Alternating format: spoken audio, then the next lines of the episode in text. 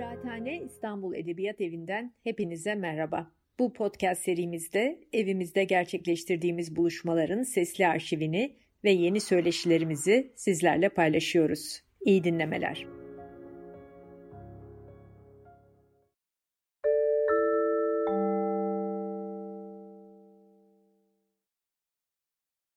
Merhabalar, hoş geldiniz.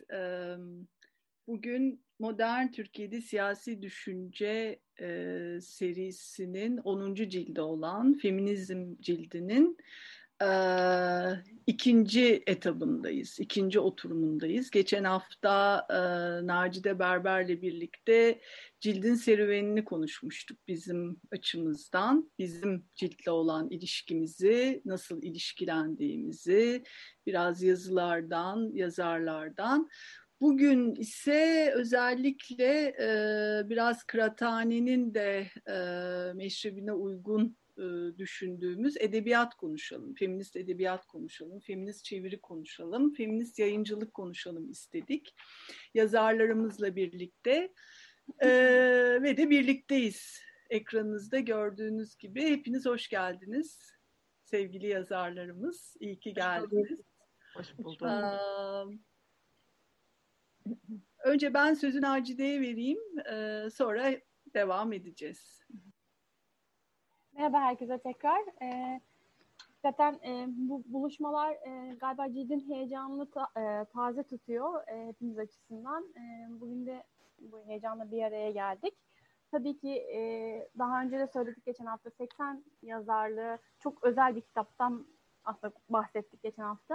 Gönül isterdi ki hep beraber bir arada olalım ama maalesef e, sınırlılıklar, teknik sınırlılıklar diyelim.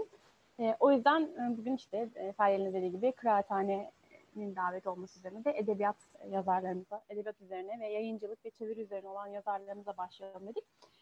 E, belki ilk soru şöyle bir şey olabilir. Yani Feryal'le bizim daha önce de böyle biraz konuşmak istediğimiz bir şeydi bu. E, bütün yazarlarımıza ben aslında şunu sorarak e, başlamak istiyorum. E, birincisi hani bu cilde yazdıkları metinden yola çıkarak sormak istiyorum ama genel olarak da tabii ki e, feminizmle e, kurdukları ilişki yaptıkları çalışmalarda düşünürken, yazarken e, ve çalıştıkları konuları tartışırken aslında nasıl bir ilişki kuruyorlar? E, açıkçası onu merak ediyorum. Yani e, nasıl e, nasıl diyeyim sadece teorik, politik ya da pratik bir e, ilişki bütünlüğünü ya da nasıl e, ilişkilendiriyorlar kendi yaptıkları çalışmalarda. Bu geçen hafta da söylediğimiz gibi bizim aslında ciltte çok önem verdiğimiz bir şeydi. Birazcık hani hem konuları hem de yazarları seçerken e, öncelik verdiğimiz bir yaklaşımdı. E, bunu çok merak ediyorum. O yüzden aslında bütün yazarlarımıza ilk bunu sorayım. Hani konuşmalarının başında belki kısacık bundan bahsederlerse çok mutlu oluruz. E, ondan sonra galiba herhalde e, Cemran'la başlasak iyi olacak gibi e, duruyor. Yayıncılıkla başlayalım. Hmm, Cemran'ın metniyle aslında Emek Ergun'un metni, Cemran Öder'in metniyle Emek Ergun'unki e, konuşuyorlar. Hemen başlıklarını söyleyeyim. Cemran Öder'inki Türkiye'de feminist yayıncılık üzerine. E, Emek Ergun'unki ise Türkiye'de feminizm çeviri kokan tarihi. İkisi birbiriyle de ilintili o yüzden belki onunla devam ederiz. Sonra da aslında bir e, edebiyata e, dalış yapacağız galiba her yerle birlikte. E, sonrasını zaten hep beraber konuşuruz. E, Cemran merhaba, hoş geldin. Merhaba, herkese selamlar, hoş bulduk. Sevgiler. Hoş geldin. Ee, yani biz şöyle aslında... aslında e, senin yazınla e, yani feminist tarihe başka bir yerden bakmaya çalıştık aslında. Feminist yayıncılık üzerinden ama aslında yayıncılığa da değen bir taraf var ama biz tabii ki feminizme değen tarafından baktık.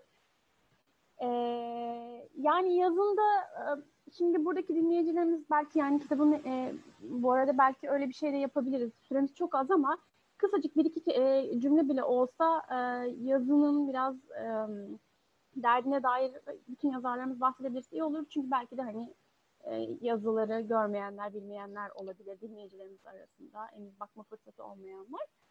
E, kısacık ondan bahsederseniz sevinirim Cemran. E, ama Galiba e, şuradan devam edebiliriz. Yani e, sen yazında iki karşılaştırma yapıyorsun. Hem e, hem Avrupa hem Türkiye'de e, feminist hareket e, ve e, yayıncılık e, karşılaştırması hem de Türkiye'de 80'ler ve aslında 2000'lerde. Birazcık feminist hareketin gücüyle e, yayıncılık, feminist yayıncılığın gücünü ve hikayesini de paralel bir şekilde yürütmüştün yazında. E, bunu birazcık daha hani konuşabiliriz belki hep beraber diye düşündüm. E, hakikaten çok önemli. E, yani sen yani hem Avrupa hem de Türkiye'deki bu kuşaklar arası e, duruma baktığımız zaman nasıl bir e, fark görüyorsun? Bir de e, hemen onu da ekleyeyim. Aslında şimdi 2010'lar, 2020'lere başlıyoruz. E, gelecek ne vaat ediyor feminist yayıncılık için ve hareket ilişkisi açısından bize? Teşekkür ederim. Ee, evet henüz cilde edinemeyenler olabilir ya da e, bir şekilde yazılarını tamamını okuyamayanlar da olabilir. Hem katılımcılar arasında hem yazarlar arasında. Dolayısıyla dediğiniz gibi bir genel çerçeveyi çizmek bu anlamda iyi olabilir hepimiz açısından. Ben hani feminist yayıncılığın geleceğine bakmadan önce birazcık geçmişini de kurcalayarak ondan sonra geleceğe belki hep birlikte kafa yorabiliriz diye düşünüyorum. O nedenle hani biraz geçmişten başlayalım. Benim kişiselde de hani yayıncılık alanında bir e, tamamlamak üzere olduğum bir doktora tezi var. Bir de yaklaşık 15 yılın üzerinde 16 yıldır da sahada bir fiil e, kitap fuarları organizasyonunda çalışmak gibi bir görevim olduğu için hani birebir de, de gözlemleme fırsatı buluyorum yayıncılık alanında. Dolayısıyla oradaki sorulardan bir tanesi hani bizdeki feminist yayıncılık var mı yok mu nasıl var varsa bunun üzerine kafa yorarken aslında bu değerlendirme yazısı da ortaya çıktı diyebilirim. Şöyle ki e, evet Avrupa'ya biraz da bakıyorum hani e, orada çünkü hani güçlü bir e, evet feminist hareket var ve güçlü bir yayıncılık geleneği var ve feminist yayıncılık geleneği de var e, bunun yanı sıra. Ve hani dönemsel olarak baktığımızda tabii hani bu hareketin yükselmeye başladığı ikinci dalganın işte 1970'leri görüyoruz orada. Feminist yayıncılığın kendine özgü koşulları itibariyle iki ana damarı var. Bunlardan bir tanesi e, politik bir deneyimden besleniyor olması. Diğeri de e, editoryal bir e, birikim veya birikim kurma ihtiyacından kaynaklanıyor olması.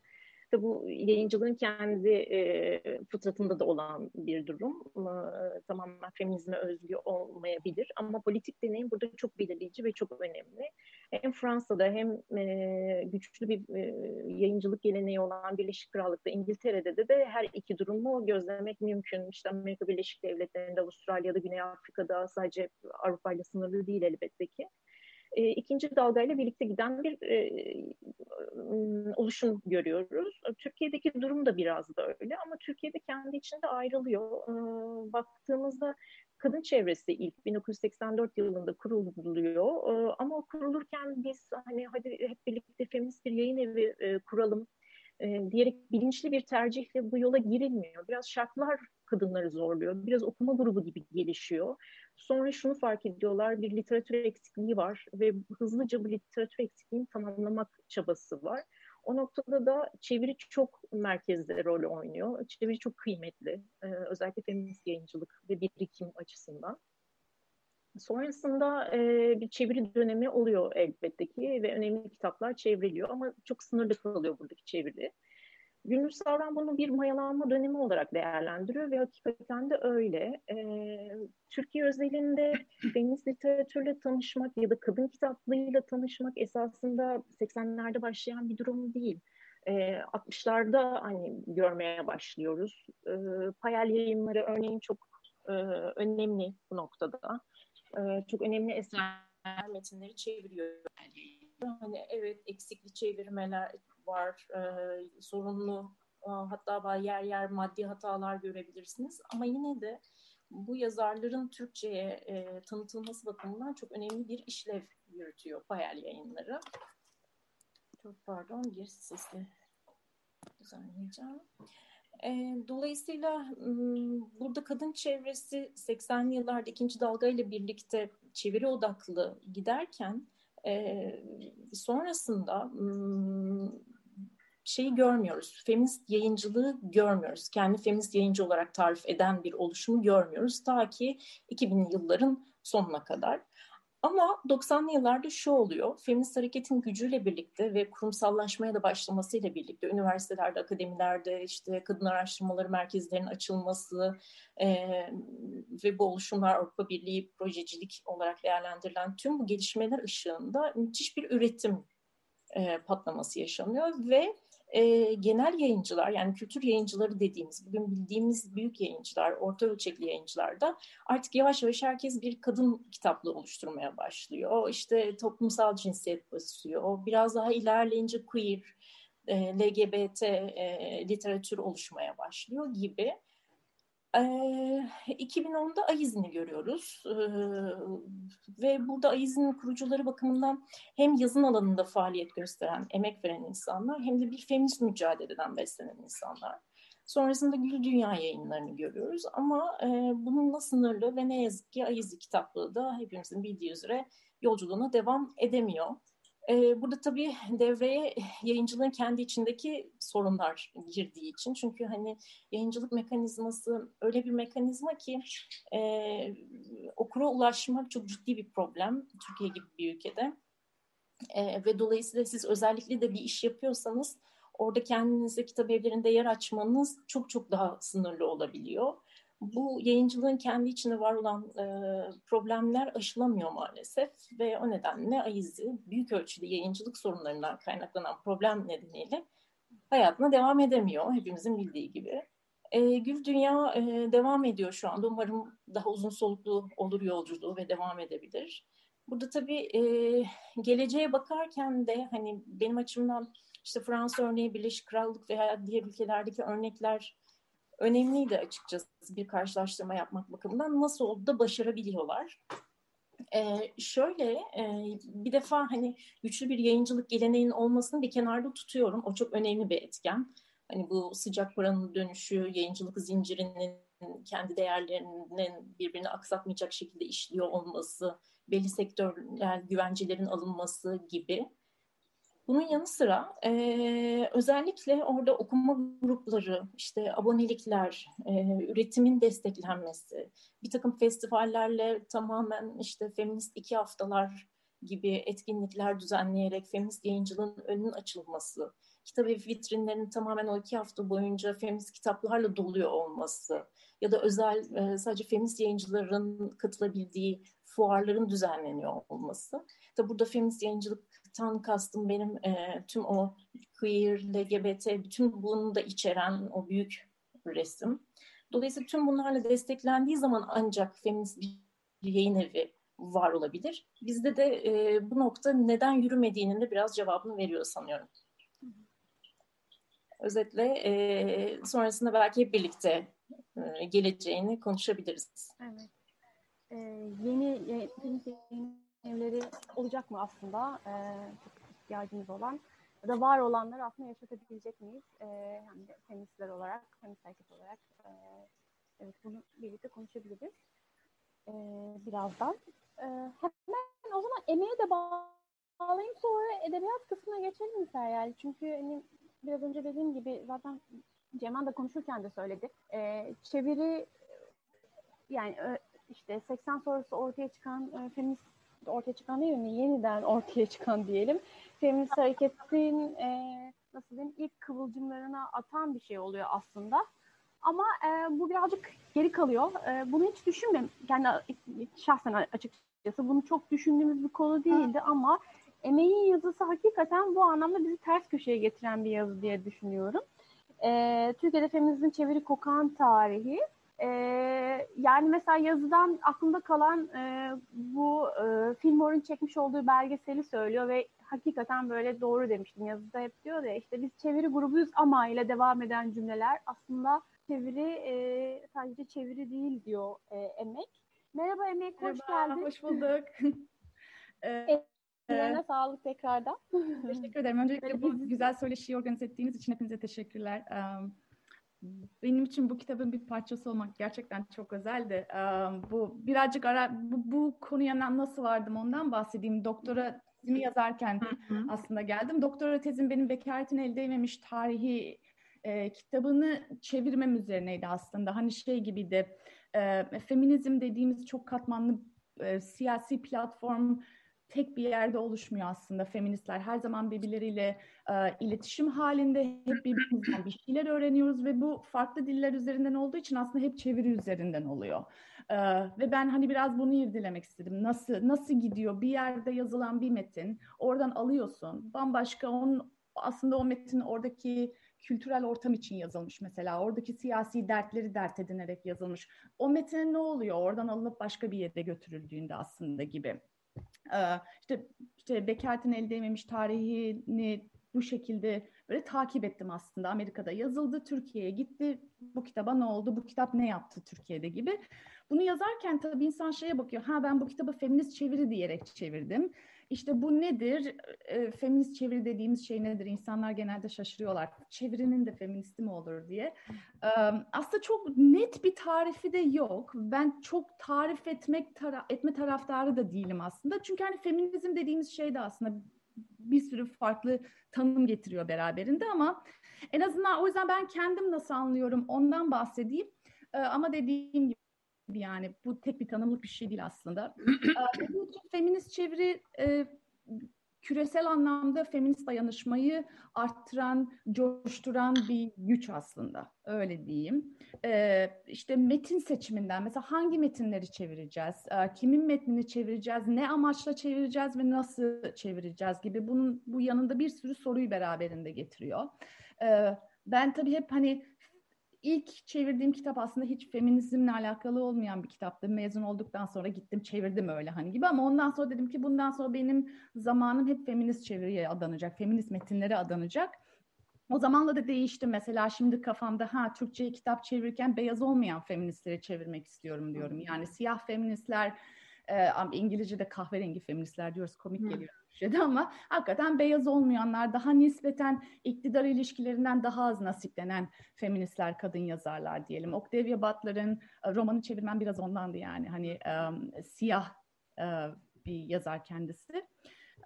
Ve çevirirken nelere dikkat ediyorsun? İşte tabii ki cinsiyetçi dil kullanmayayım diyorsun, ırkçı dil kullanmayayım, queerfobik dil kullanmayayım gibi şeylere çok dikkat ediyorsun tabii. Yani benim yarattığım metin e, etrafımızda dönen işte ne bileyim cinsiyetçi vesaire söylemlere katkıda bulunmasını istiyorsun. Hani ona bir taraftan dikkat ediyorsun ama benim için belki de en önemlisi kitaba eklediğim yan metinler oluyor. Mesela illaki ön söz yazacağım diye tutturuyorum.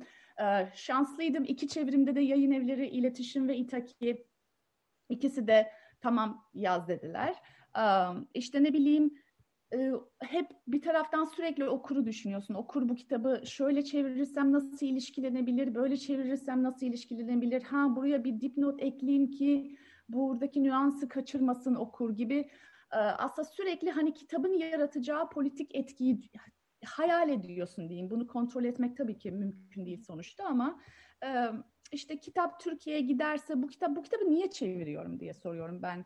E, işte son çevirdiğim romanda mesela e, Amerika'da Amerika'nın köleliği e, tırnak içinde macerası diyeyim. Hani bunu kadın e, hikayesi olarak buna eleştirel bir e, bakış açısı getiren bir roman bu. Ha bu Türkiye bu nasıl bir şey? Bu ne yapacak ki Türkiye'de diyebilir insanlar. Türkiye'de böyle bir geçmiş yok çünkü ama ben orada şöyle bir bağ kurdum.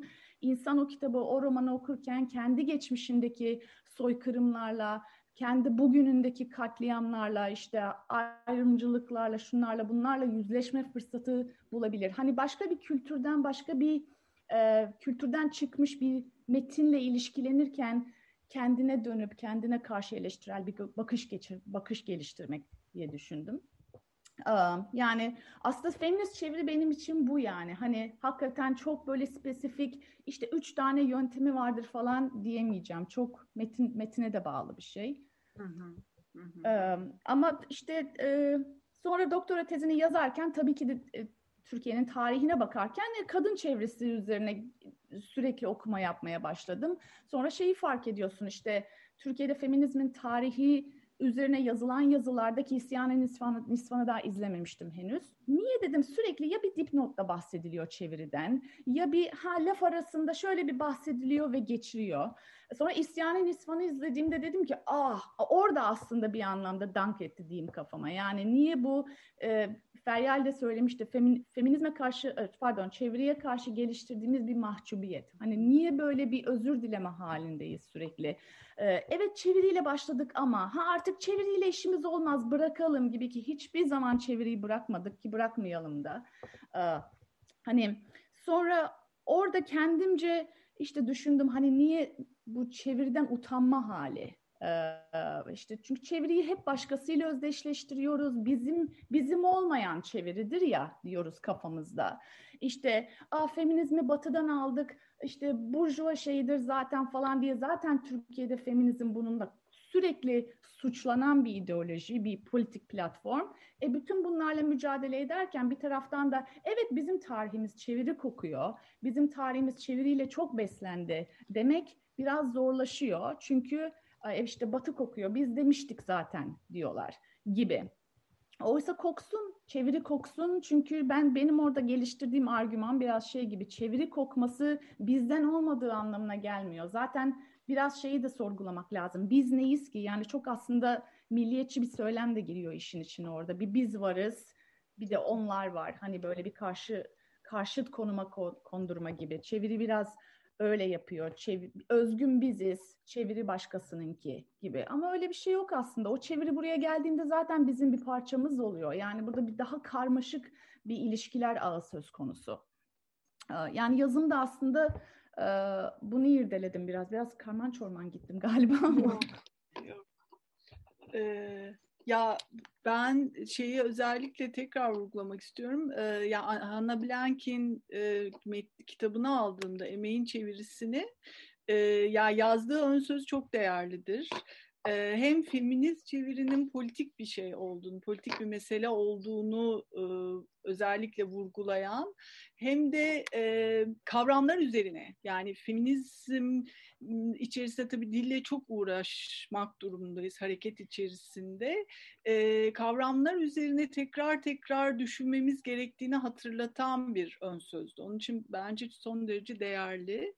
E, çok haklısın şeye de yani diğer arkadaşlar da ne der e, tabii bu çok konuşulacak bir mesele başlı başına feminist çeviri e, benim de e, özellikle 2000'lerden sonra yani bir grup oluşturup bu feminist çeviri üzerine tartışsak, konuşsak diye düşündüğüm bir alan olduğu için özellikle heyecanlanıyorum. Yani hem geçmişten günümüze feministlerin devraldığı yani Senem de tabii Osmanlı çalışıyor, Tülin filan aslında hepimiz buradaki bütün arkadaşlar Beyhan, e, Ürün, e, hepiniz tabii ki Didem. E, yani oradaki e, kullandığımız kavramları kaybetmemek, onların üzerine düşünmek ve yeni neler oluşturabiliriz e, üzerine de kafa yormak. Yani bir izlek oluşturmak anlamında da çok çok önemli. Hı hı. Ve gerçekten e, bu 80'lerdeki mahcubiyeti biraz e, daha anlamak lazım. Yani o neden bu her şeyi batıdan alıyoruz ve biz kendimiz bir şey oluşturamayacak mıyız? Biraz şuna da gönderme yapıyorum. 90'ları 92-93'te e, Aynur İlyasoğlu ile Necla Akgökçe yerli bir feminizme doğru diye bir kitap çıkarmışlardı bilirsiniz. Ben de hatta o zaman yüksek lisans tezimi yazıyordum. Oraya bir metin verdim ve bu yerlilik üzerine çok şey tartışıldı çok yoğun bir şekilde.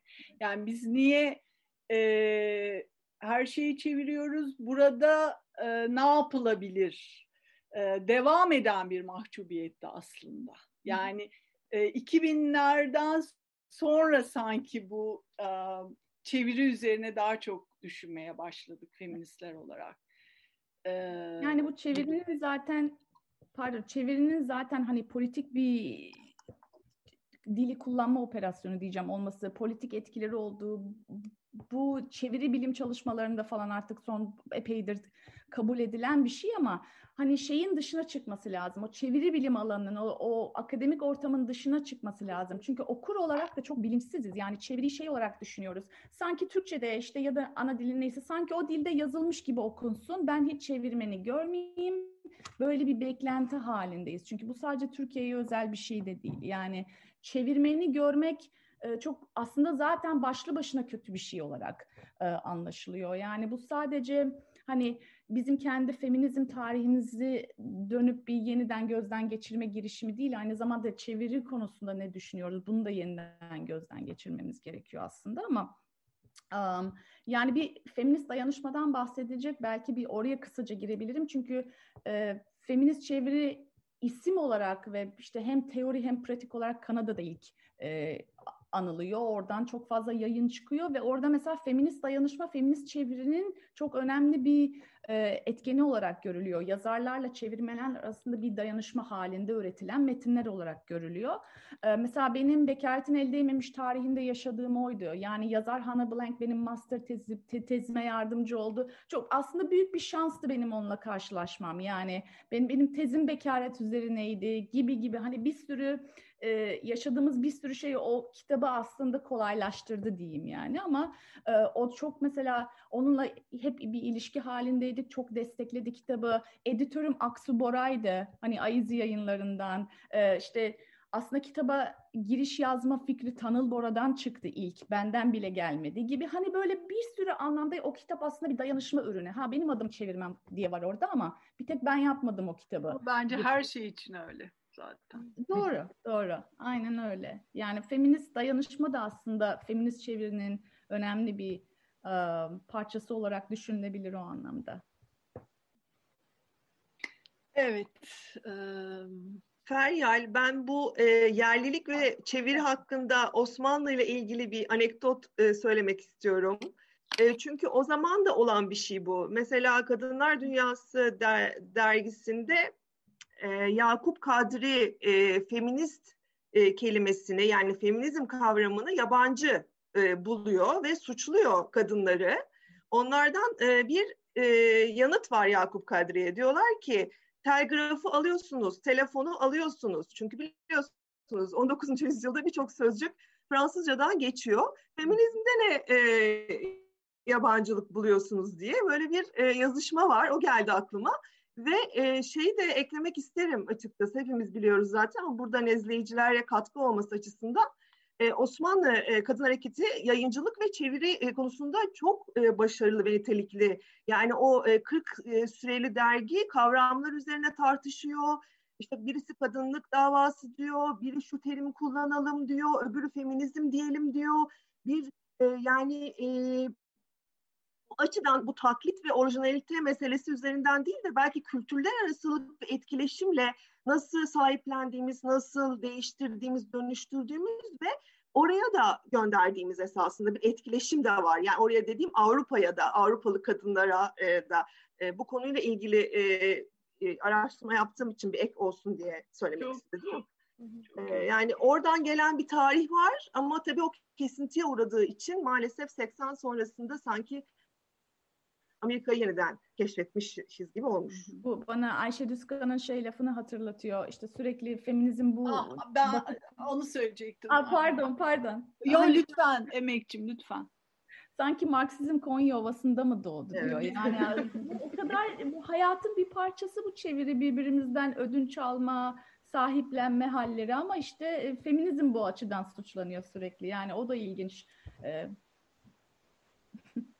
tabii de patriarkada mesela hala tartışılır. Ee, niye patriarkayı kullanıyoruz? Yani Türkçe değil ki bu yani şeyle kabullenmekle ilgili bir şey. Bu kullanıyor muyuz? Kabullendik mi ve şey anlıyor muyuz birbirimizi aslında ve de sahiplenmekle ilgili tabii. Ee, Suat Derviş e, mesela şey konuştuk geçenlerde bir tez Suat Derviş'le ilgili tez jürisine girdim de orada da e, Tülin de burada şimdi e, belki o da bir şeyler söyler. E, Suat Derviş feminist miydi değil miydi filan yani aslında bir yanıyla gereksiz bir tartışma yani o döneme baktığında onu yine konuşmanın çok bir manası yok. Ama şeyi biliyorum çeviriyle ilgili e, Ermeni kız kardeşlerime diye sesleniyor 1930'larda ve e, biz birbirimizin sesini duymak için, birbirimizi anlamak için çeviriye ihtiyacımız var diyor. Yani e, aslında her dönemde e, birbirlerinden haberdar olmak için ihtiyaç duyuluyor ama hep şeye de dönülüyor. Yani ben doğru mu yapıyorum? Ya bu bana uyar mı? Ben bir şeyleri mi kaybediyorum? O millilik, yerlilik meselesi bir yerde bir bir şey bir, bir rahatsız ediyor gibi. E, evet. E, şimdi şöyle bir şeyden hemen aslında biraz e, gel, geldik de yani konuşmaya başladık da bu kadın dayanışması aslında feminist çeviri üzerinden emek vurguladı.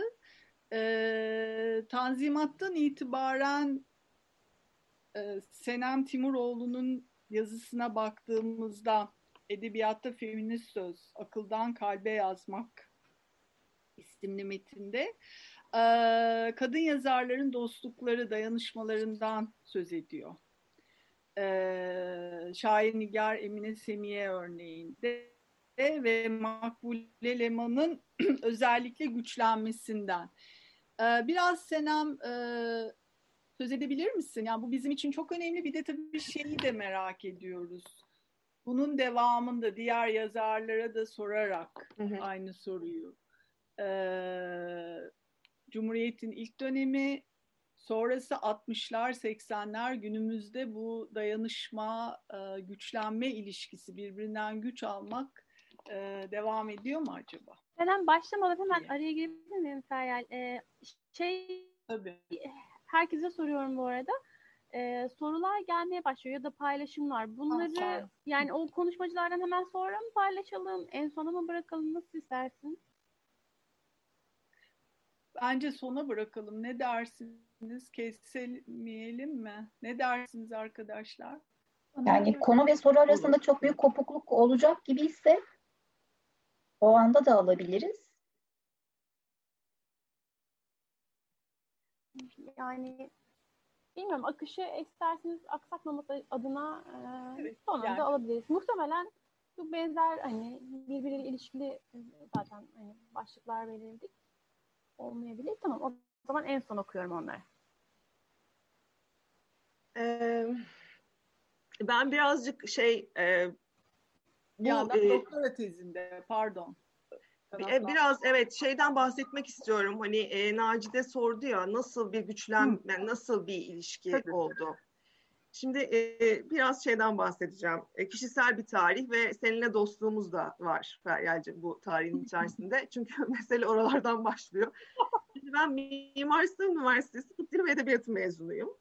E, ama benim hayatım yani üniversiteden önce de edebiyatla çok iç içeydim. İşte okur olarak ve e, Türk Dili ve Edebiyatı dört sene okudum. Ardından da Paris'e yüksek lisans yapmaya gittim. E, Tanpınar'ın öğrencileri oldukları için bizim hocalarımız Tanpınar çalışmaya gittim. Genel e, formatımız bu.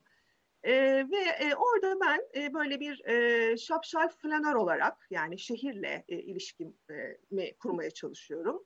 Çünkü Tanpınar'ın Paris mektupları ve Tanpınar'ın şehirle ilişkisi biliyorsunuz çok e, özel. Beş şehir var. Altıncı şehir işte Paris onu çalışıyorum.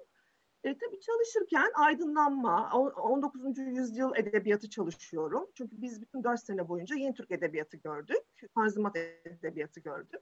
Biz orada hep Ahmet Mithat'ı gördük, Namık Kemal'i gördük. İşte Paris'e gidiyorlar, Şinasi falan. Ben de böyle Tanpınar'la birlikte şehri geziyorum. Aylak adamı okuyorum falan böyle. Bir böyle şizofrenik bir haller. Sokağa çıkıyorum ama sokakta bana söz tacizde bulunan mı istersiniz? İşte bara oturuyorum, bir şey mi, kafeye oturuyorum bilmem ne mi hemen eve kaçıyorum falan. Böyle bir sene cinsiyetçi ve ırkçı Paris'te son senesinde Feryal oradaydı. Yani Feryal'le bir karşılaşma yaşadım ben. Bugünden baktığımda bu benim için çok değerliymiş. Yani Feryal'cim gerçekten çok teşekkür ediyorum. Bu da bir asker hikayesi gibi her, her yerde anlatıyorum e, bu e, son e, doktora çalışmanın hikayesi olarak Paris'te. Çünkü oradaki zedelenmenin güçlenme hikayesi bu araştırmalarım esasında yani bu yolculuğum diyeyim.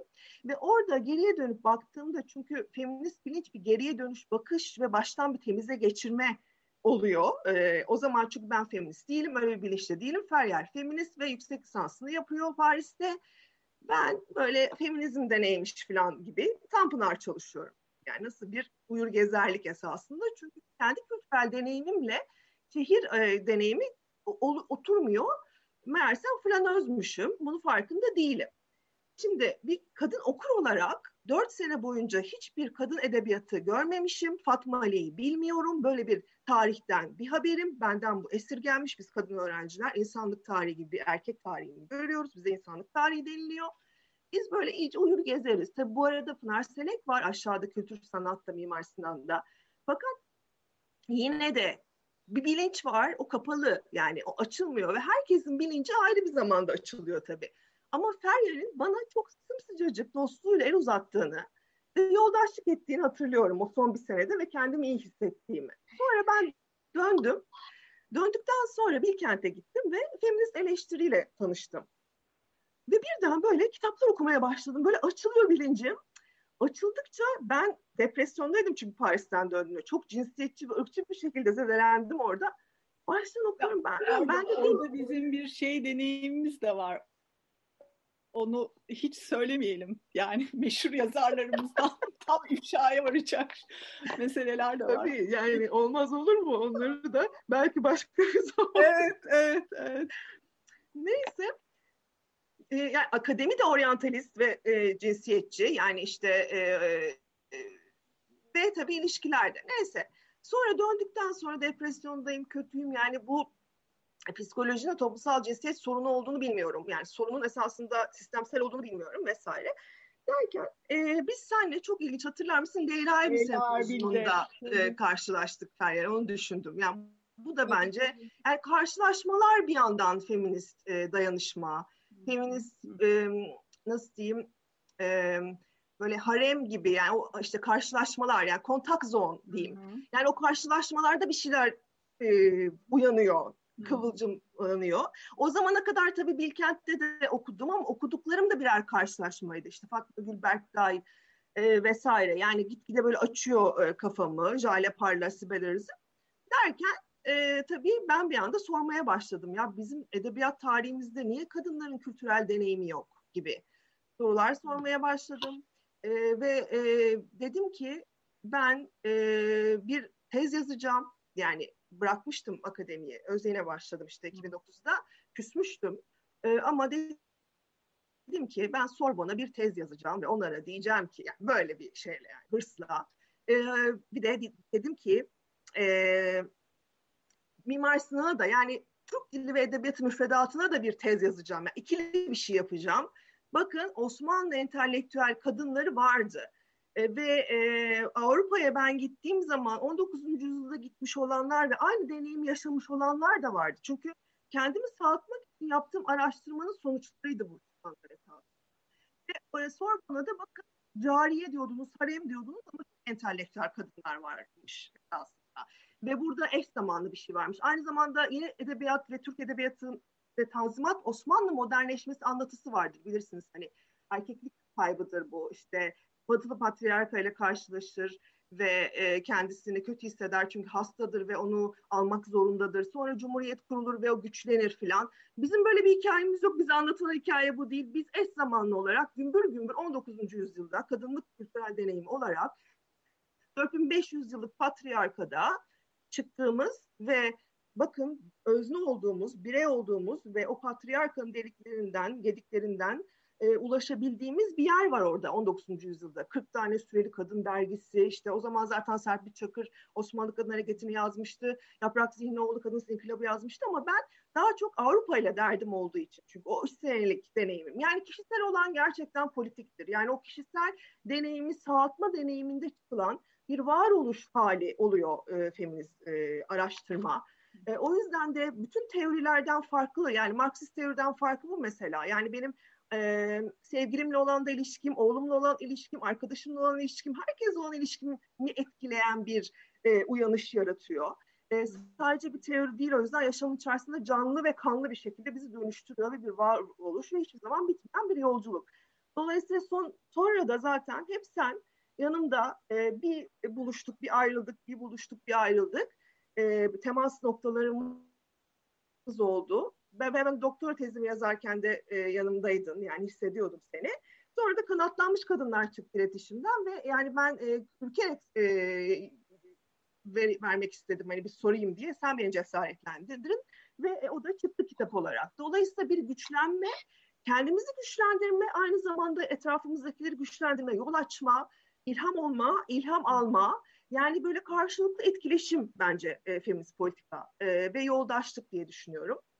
E, şimdi ben e, ne anlatacağım başka? Yani şunu söyleyebilirim. Osmanlı edebiyatı yani kadın edebiyatı e, dediğimiz şey e, şu. Yani esasında biz e, bizim entelektüel tarihimiz o zaman başlamış var.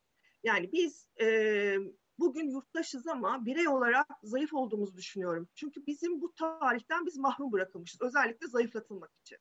Hı Ve e, şunu söyleyebilirim. Bizim feminist hareketimiz, yerli ve milli feminist hareketimiz bu topraklarda çıktı ve edebiyatın içerisinden çıktı. Bunu artık bu şeyi yani feminist tarih içerisinde de bu hakkı bunlara e, vermemiz lazım bu kadınlara. Biraz da öyle bir şey var. Çünkü feminist tarihin içerisinde 80'den sonrasında edebiyat yok. E, ve hep böyle bir ikincil kalmış. Edebiyatın ikincil kalmasına çok üzülüyorum feminist tarihin içerisinde.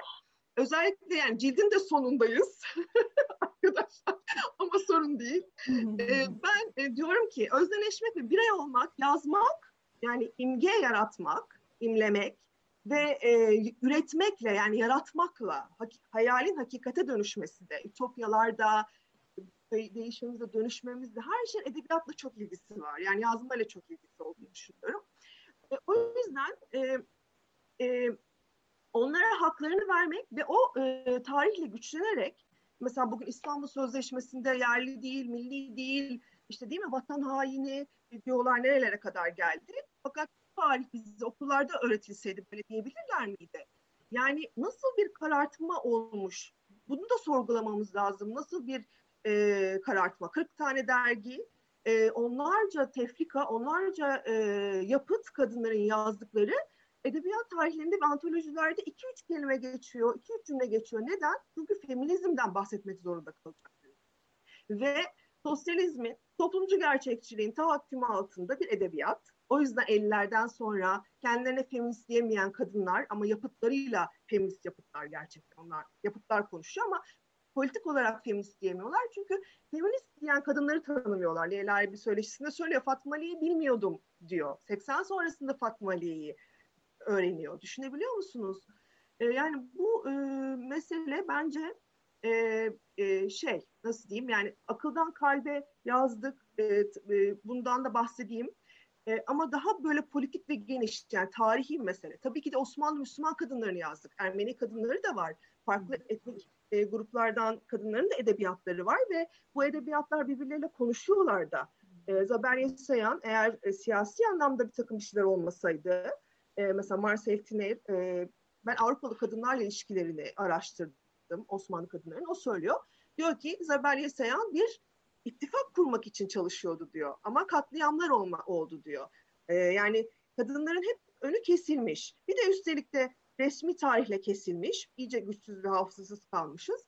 Kesile kesile işte bir şekilde kör topal yine de fena değiliz yani diye düşünüyorum. İlerliyor. Ee, bilmiyorum ben sorularla ilerleyeyim. Şu an uçtum çünkü böyle her şey kafama... Ben hemen bir şey eklemek istiyorum aslında ve sormak da istiyorum sana da. Bölmeyeyim dedim çok güzel anlatıyordun. Ee, şey e, şimdi dedin ya Osmanlı son döneminde aslında edebiyatta çıkıyor e, diye. Aslında şey diye düşünebilir miyiz? Yani 80 sonrasında yok dedin edebiyat. Aslında var diyebilir miyiz? 70'lerde aslında edebiyatta başlıyor diyebilir miyiz feminizm? Yani evet, evet, evet. Bu ama e, çok özür dilerim. Bu e, ciltte de mevzu ettiğimiz bir konuydu. Bu kopuş mevzusu var ya işte Osmanlı ilk birinci dalga ondan sonra kopuş sanki hiçbir şey yok sonra ikinci dalga çıkıyor. Ya o aradaki arada hiçbir şey yapılmamış gibi görüldüğü için e, mi biz aslında bu 70'lerdeki femin, e, feminizmin kıvılcımlarının edebiyatta çıkmasını görmüyoruz. Esasında şöyle Nacide, ben şu şekilde okuyorum e, tarihi. Şimdi bir feministim diyen kadınlar var. Yani 19. yüzyılda. Şimdi biz 19. yüzyıldan geriye düşmüşüz. 19. yüzyıl bizim coğrafyamızda en ilerici, en devrimci yüzyıl. Kadınlar şeriatın olduğu e, 31 Mart vakasını biliyorsunuz. İnanılmaz hı cesurlar. Yani o kadar hayranım ki size anlatamam. Hı hı. E, ve e, ve aynı zamanda 19. yüzyıl feminizmi birinci dalga 4500 pat, yıllık patriarkaya karşı çıkıştır. O yüzden 19. yüzyıl çok büyük bir kırılma noktası. Hı hı. Ve burada bizim Osmanlı kadınları çok güçlü ve cesurlar yani.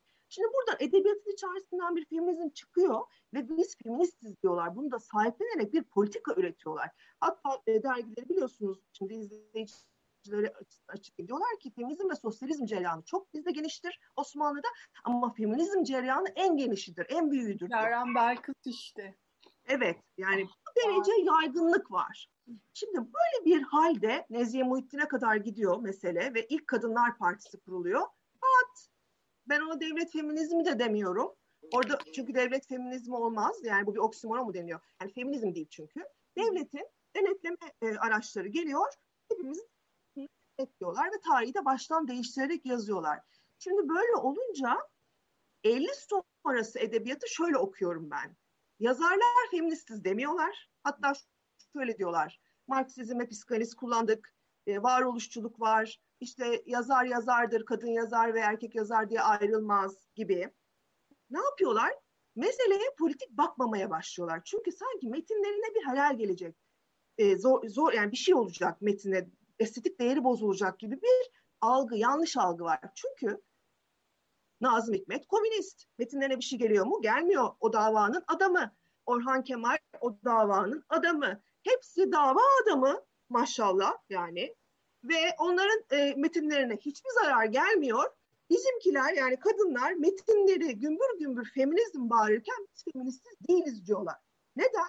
Çünkü Asım Bezirci oradan Leyla bile baskı, Sevin Burak'a baskı, sizinki toplumsal değil sorunlarınız, sizin işte burjuva sorunları, sizin işte filan gibi bir manipülasyonla ve bir de resmi tarihte de böyle bir şey yok. Yani Fatma Aliyeler yok, hiçbir düşünün bir feminist tarih yok. Böyle şaşkınlık içerisinde onlar da uyum sağlamaya çalışıyorlar tabii. Bir politik mücadele içerisine giremiyorlar. O zaman ne yapıyoruz? Ben bir yazı yazmıştım. Artık adını koymalıyız diye feminist edebiyatımızda. Evet. Ha, o zaman metinleri feministler bunlar demeyebilirler ama edebiyat eleştirisi metne de ayrı bakabilir. Yani nasıl bakar? Metne bakar sadece. Alın buyurun metin. Çok da güzel feminist metin. Tam da politik bir şeyi var yani orada bir duruşu var deyip 50 sonrasını feminist metinler olarak okuyabiliriz. Ama Duygu Asena 80 sonrası tek feministim diyen kadın yazar ya. Yani böyle bir şey olabilir mi? Ne kadar üzücü ve o da gazeteci diye vesaire diye böyle edebiyata yüksek edebiyat değil de popüler edebiyat diye burun kıvrılmış. Ve Adalet Ağoğlu diyor ki ben diyor yazarım, kadın yazar olur muyum canım? Kadın yazar demek suç yani edebiyatın içerisinde. Feminist demek suç. O yüzden 80 sonrası kadın yazarlar feminist dayanışması ve mücadelesini feministiz diyerek var etmediler kadın hareketinin içerisinde. Böyle bir kesinti olmasaydı Leyla Erbil çok güçlü bir şekilde eminim ben yani feministim diyeceğine. Ben evet. öyle düşünüyorum. Ama metinler dediğin gibi o kadar kuvvetli ki e, yine de aslında e, 80 dönemi kuşakları hatta bizim işte yani ben 80 doğumluyum ama 2000'leri falan dersek e, o dönemdeki kuşakları bile etkiliyor aslında baktığınız zaman feminist metinler Tabii olarak. bilinç açısından etkiliyor ama politik olarak etkileyemiyor maalesef. Hmm. Yani şöyle oluyoruz. Şimdi feminist de demek bir sıkıntı olduğu o zaman haline geldiği zaman feminizmden soğuyoruz. Daha yakın bir şekilde gidecekken ve araştırabilecekken, uyanabilecekken bu bir kesintiye uğruyor. Yani birçok karalamanın içerisinde yok oluyor e, mesele. Halbuki oradan ileri gelseydi ve bütün tarihin içerisinde olsaydı çok yaygın bir harekete e, dönüşecekti ve işler çok daha değişik olacak diye düşünüyorum şu an. O yüzden bugünkü ifşalar da çok önemli tabii bu anlamda. Belki daha sonra evet, konuşuruz. Bağlayabiliriz. Evet bağlayabiliriz. Ee, zihin kuşlarında der ya Leyla Erbil, yani feministim demiyor ama e, kadın yazar demek gerektiğini Hatta ben heyecanla her yerde böyle bunu anlatıyorum. Ama sonradan diyor Feryal işte. Tabii tabii sonradan. O Selahattin Hilal söyleşisinde e, Freud okumalarından, Marksizmden, evet. her bir şeyden söz ediyor. Ben bunları okudum okudum, feminizmle yeni tanışıyorum. E, ve de niye kadın yazar demek gerektiğini anladım diyor. Bu hala işte tartıştığımız bir şey. Yine ya. Ne dersin ürün e, bu meseleyle ilgili Leyla Erbil? Yani şeyi söylerim galiba. E, Leyla Erbil'inki biraz daha hani sonradan bulunanın daha kıymetli olması gibi bir şey bana kalırsa.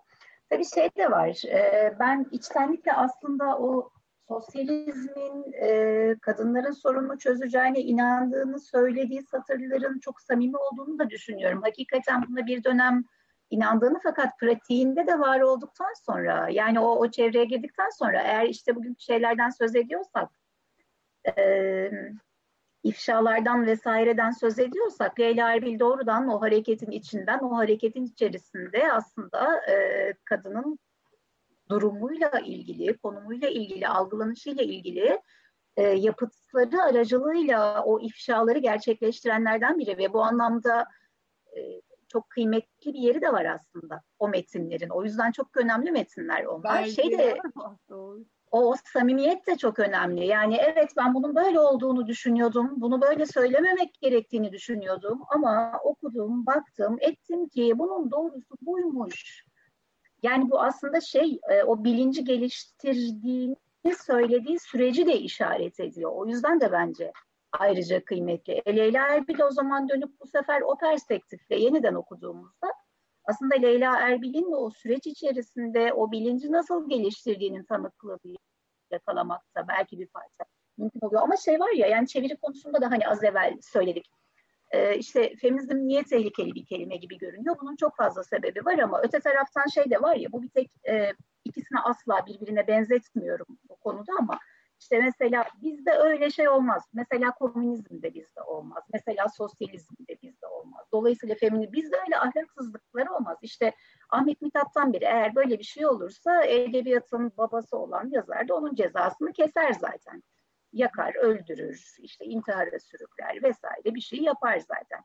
Yani o yüzden e, evet şey bu ya peki bu yazarlar e, bir şekilde onlar için de kendilerini var etme mücadelesiydi. O yüzden belki ben bugün işte 2021 senesinden bu bu evimde oturup işte nispeten e, bu uğraşlara vakit ayırabilecek koşullardan bunları söylerken e, onlarınkinden çok daha konforlu bir şeyin içerisinde olduğumun da ayırdındayım. Bilmiyorum e, söylemeye çalıştığımı tam anlatabiliyor muyum ama Leyla Erbil'in feminizmi bulmasıyla işte benimki bir, bir tabii ki tutulamaz. Yani ya da bu, bu neslinkiyle o neslinki bir tutulamaz. Bu insanlar çünkü kim ne derse desin bir şekilde bir varlık mücadelesi de yürütüyorlardı. Yani edebiyat alanında da var oluyordu, kamusal alanda da var olmaya çalışıyordu. Öte yandan şeyi düşünsenize yani hep sanki onun özelinde söylüyormuşum gibi ama Leyla Erbil'in yalnızca cinsiyeti sebebiyle o erkek yazarlar camiasında ne suçlamalara maruz kaldığını vesaireyi düşündüğümüzde bu biraz daha böyle hani yaşam pratikleriyle vesaireyle gelişmesi gereken bir bilinç belki de. Ee, ve belki aslında o yaşam ancak bu şekilde e, inşa edilebiliyor bir taraftan. 19. yüzyıldaki değişkenler çok daha farklı o anlamda. E, bunun haricinde e, şey fikrine katılıyorum kesinlikle. Yani yazar feministim demek zorunda değil. Ama elbette işte edebiyat eleştirmeni ya da edebi metinden yola çıkarak bir şeyler söyleyecek insan onda o izleri bulacak, inceleyecek, tartışacak, belki onunla farklı bir bağlam yaratacak.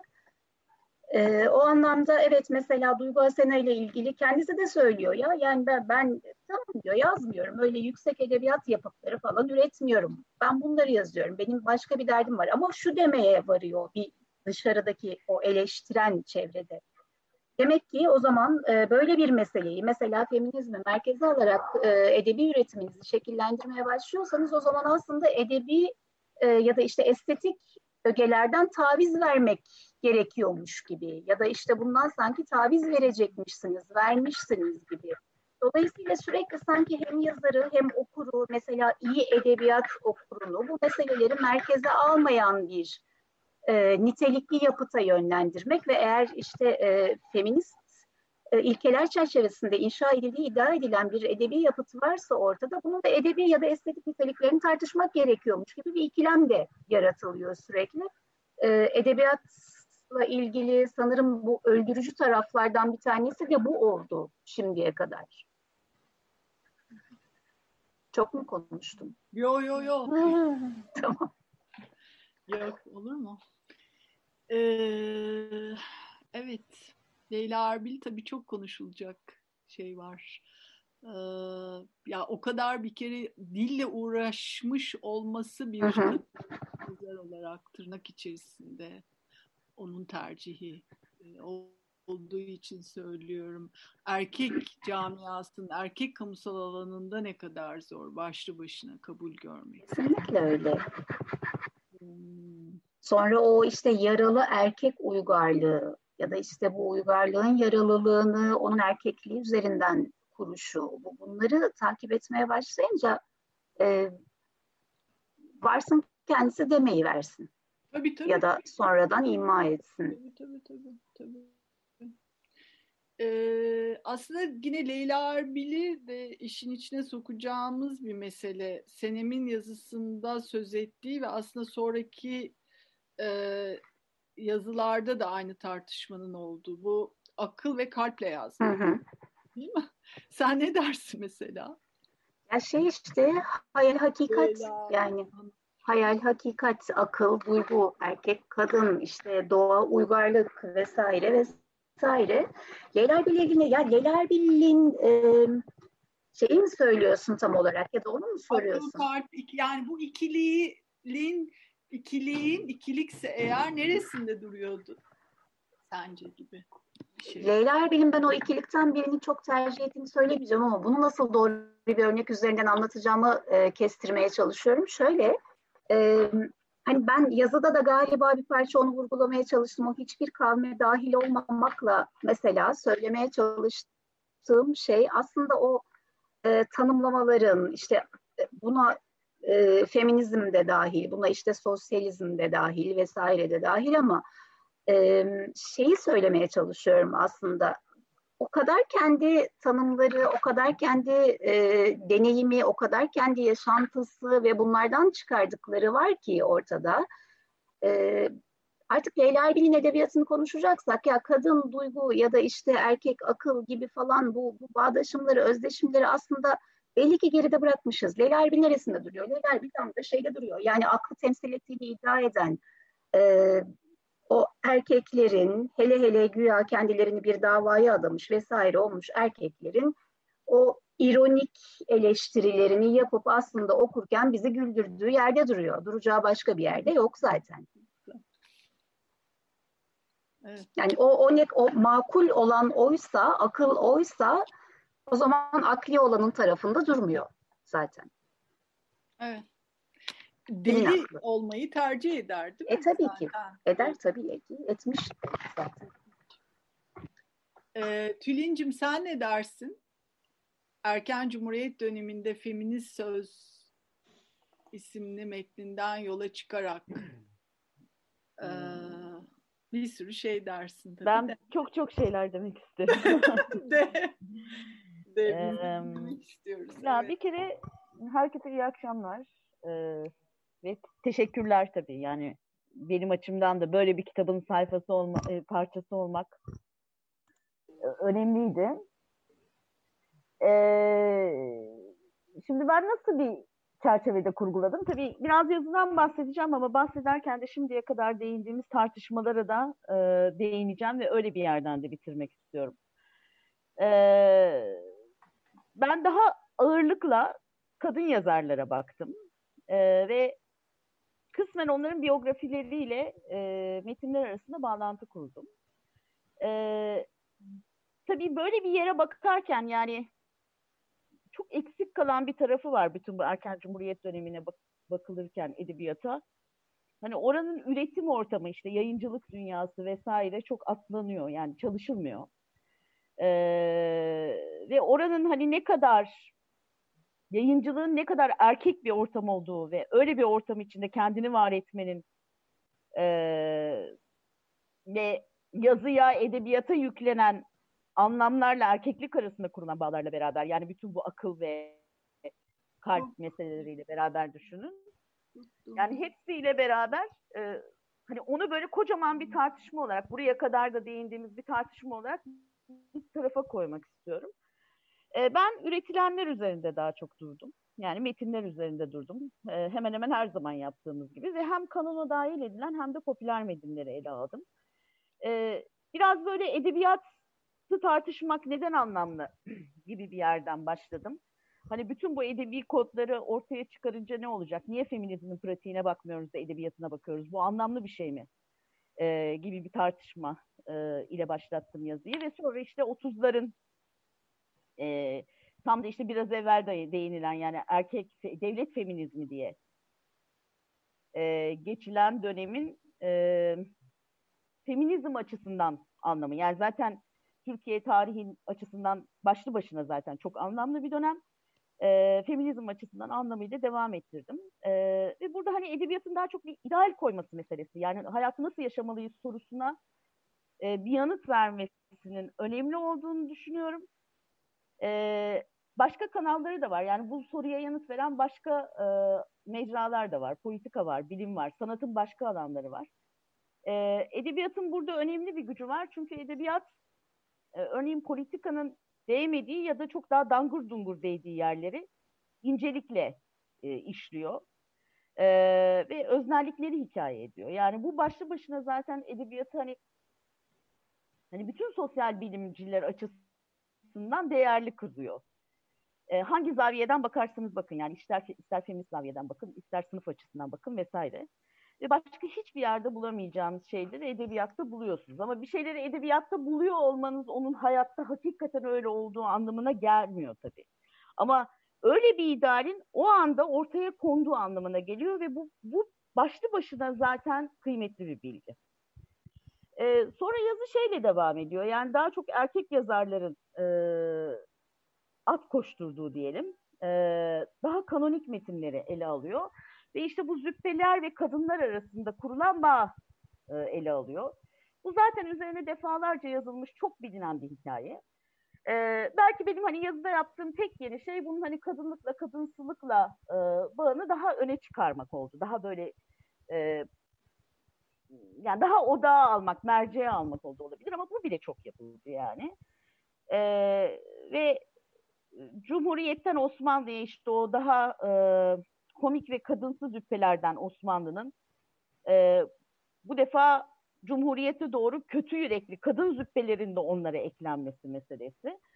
E, ama tabii burada önemli bir ayrım var. Artık kadınlar aktifler. Yani romanın kadınları, kadın kahramanları kötücüller, züppeler ama aktifler.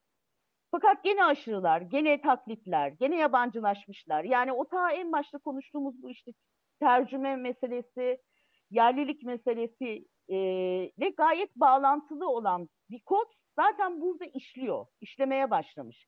Osmanlı'da da işlemeye başlamış aslında. Cumhuriyetle olan şey e, bunun cins kimliği boyutunu daha da çok öne çıkarmak çünkü milliyetçiliğin e, yani yeni kurulmakta olan bir milli de, devletin çerçevesi içinde bunu yapıyor olması.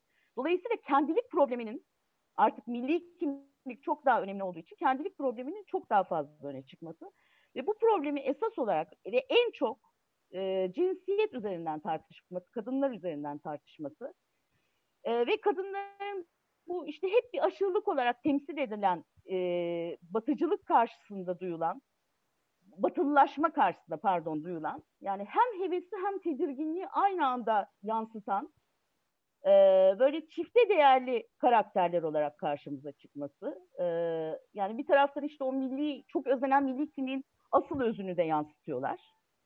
Ee, yani Osmanlı Edebiyatı'nda da gene e, yani 19. yüzyıl Osmanlı Edebiyatı'nda da kadınlar gene bir böyle işte özü, maneviyatı yansıtan bir tarafları da var ama bunda artık milliyetçilik meselesi de eklenmiş buna.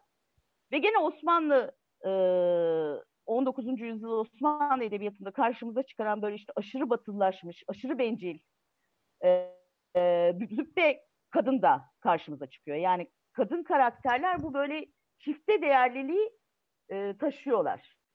Ama bölünmüş olarak taşıyorlar. E, yani A, A karakteri e, işte bizim özümüzü yansıtan erdemli kadınken B karakteri züppe. Peki kadın yazarlar ne yaptı bu sırada? E, şimdi burası işte artık bizi feminist edebiyat ve eleştiri meselelerine götürüyor.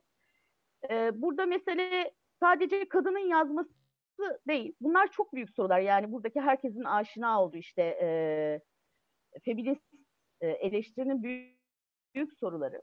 Ama ben burada daha çok şeyi görüyorum. Çelişkilerini yani hı hı. mesela batılılaşma karşısında duyulan tereddütü ve çelişkiyi e, yazının malzemesi haline getirmek zaten e, başlı başına işte e, e, problematiği başka bir şey haline dönüştürüyor.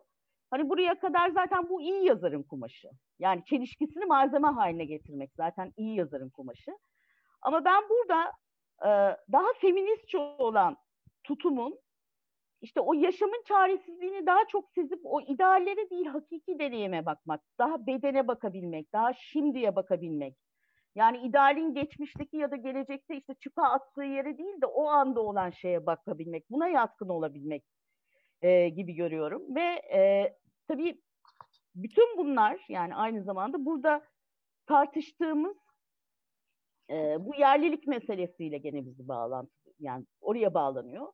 İşte burada sorulacak çok söz var ama yani bir yandan mesela bu yerlilik meselesi işte çeviri vesaire üzerinden tercüme üzerinden düşünürken e, yani iki şey geliyor benim asıl aklıma. Bir kadın deneyimi belki de bütün bu yerlilik yabancılık şeyini zaten aşıp e, aşıp geçen bir şeydir. Belki de değildir. Ama mesela Tanteroza'ya bakarsanız aşıp geçtiğini söyler. Ee, ve yerlilik ve yani zaten bir şeyleri kavramları böyle koyduğumuz zaman hani kavramları nasıl adlandıracağımız yerinden e, e, noktasından çıktık ya. Hani böyle ikili koyunca, kategorik koyunca zaten bir şey yapmış oluyoruz. Yani ama hiçbir yerlilik zaten yani tarihle işte uğraşan çok kişi var burada. Yani zaten sıfır noktasından başlayamaz ki. Dolayısıyla bu bizi hani tarihin süreklilik, kopuş gibi büyük sorularına götürüyor. Yani sadece işte kadın tarihi üzerinden işte savaş tarihi çalışsanız da gene bu sorudan e, yola çıkacaksınız. Yani illaki bu soruya değeceksiniz. E, dolayısıyla hani bu kategorileri çok ikili kurmakın tarihi işin içine katmak bence şahane bir panzehir. Yani böyle ikili kategorilerden yerliliğin aslında hiçbir zaman sıfır noktasından başlayamayacağını. Dolayısıyla yani hani işe yarar bu, bunu işte sıfır noktasından başlayamaz. Hakiki deneyimde yoktur. Çöpe atalım demek istemiyorum. Yerlilik derken neyin peşinde olduğumuzu düşünelim. Yani biz niye o kavramı kullanıyoruz? İşlevi ne? Bizim açımızdan nerede duruyor gibi düşünelim demek istiyorum. Sonra işte bu kadınlar neler yazmış deyince e, sorularda da vardı. Ben Halide Edip'le başladım. E, ve Halide Edip'in işte Handan'dan Sinekli Bakkal'a doğru yolculuğu. E, daha doğrusu böyle Tatarcık'la Sinekli Bakkal'ı bir tarafa koydum. İşte Rabia ile Lale'yi yani. Hani bunların her ikisi de gene ideal ve bütünlüklü kadın kahramanlar. E, iyi babaları olan kadın kahramanlar. Bu önemli bir ayrım. Tıpkı Suat Derviş gibi. Ee, ama Derviş'in karakterlerinin babaları iyi değil. Derviş de yani iyi bir baba tarafından e, yetiştirilmiş, onun güveniyle yetişmiş bir e, kadın ama karakterlerinin e, babaları böyle değil. E, buna karşılık Handan, yani Halide Edip'in e, işte edebiyat serüvenini başlattığı, başladığı yer çok daha tereddütlü. Fakat her ikisinin yani hepsinde yani hem Tatarcık'ta hem Sinekli Bakkal'da hem Handan'da hepsinde bir şeyi görüyoruz. Ee, Handan bile böyle yabancı bir karakter gibi görünür ama bir böyle bütünlük ve hakikatin aslında savunucusudur. Ee, yani göründüğü gibi değildir. Hani bunu da hemen böyle bir parantez açalım. Bu erken Cumhuriyet dönemi edebiyatında göründüğü gibi olmayan kadın karakterler de çok karşımıza çıkıyor. Meğer öyle değilmiş. Ee, sonrasında da hep devam ediyor bu yani. Ee, yani e, onlarda da hep böyle aslında bir orijinal, yerli, e, yabancı olmayan, bizden olan, asıl erdemli olan vardır. Handan'da da vardır. Ve hepsi güçlüdür. Ve hepsi hayatlarındaki erkekleri bir biçimde dönüştürürler. Bu işte bunu yaparak Halide Edip Kemalizmin sınırını ihlal eder. Yani bir, kadınların erkeklerin kontrolünde, yani kadınlar artık erkeklerin kontrolünden çıkar. Hatta erkekleri adam edebilirler. İki, işte o Kemalizmin kanona dahil ettiği metinlerdeki bu işte erdemli, iyi e, ve pasif annelerle şehvet düşkünü, şuursuz ve aktif züppeler ikiliğini aşarlar. Yani bu kategorileri, bu klişeleri aslında kırar halde. En çok da Handan'da kırar. Ama aslında Sinekli Bakkal'da da kırar. Ee, gene işte o modernlik karşısındaki endişeyi e, yerli e, yansıtır, yerli bir kimlik karar vesaire. Yani milliyetçiliğin gölgesi yazısına elbette düşmüştür.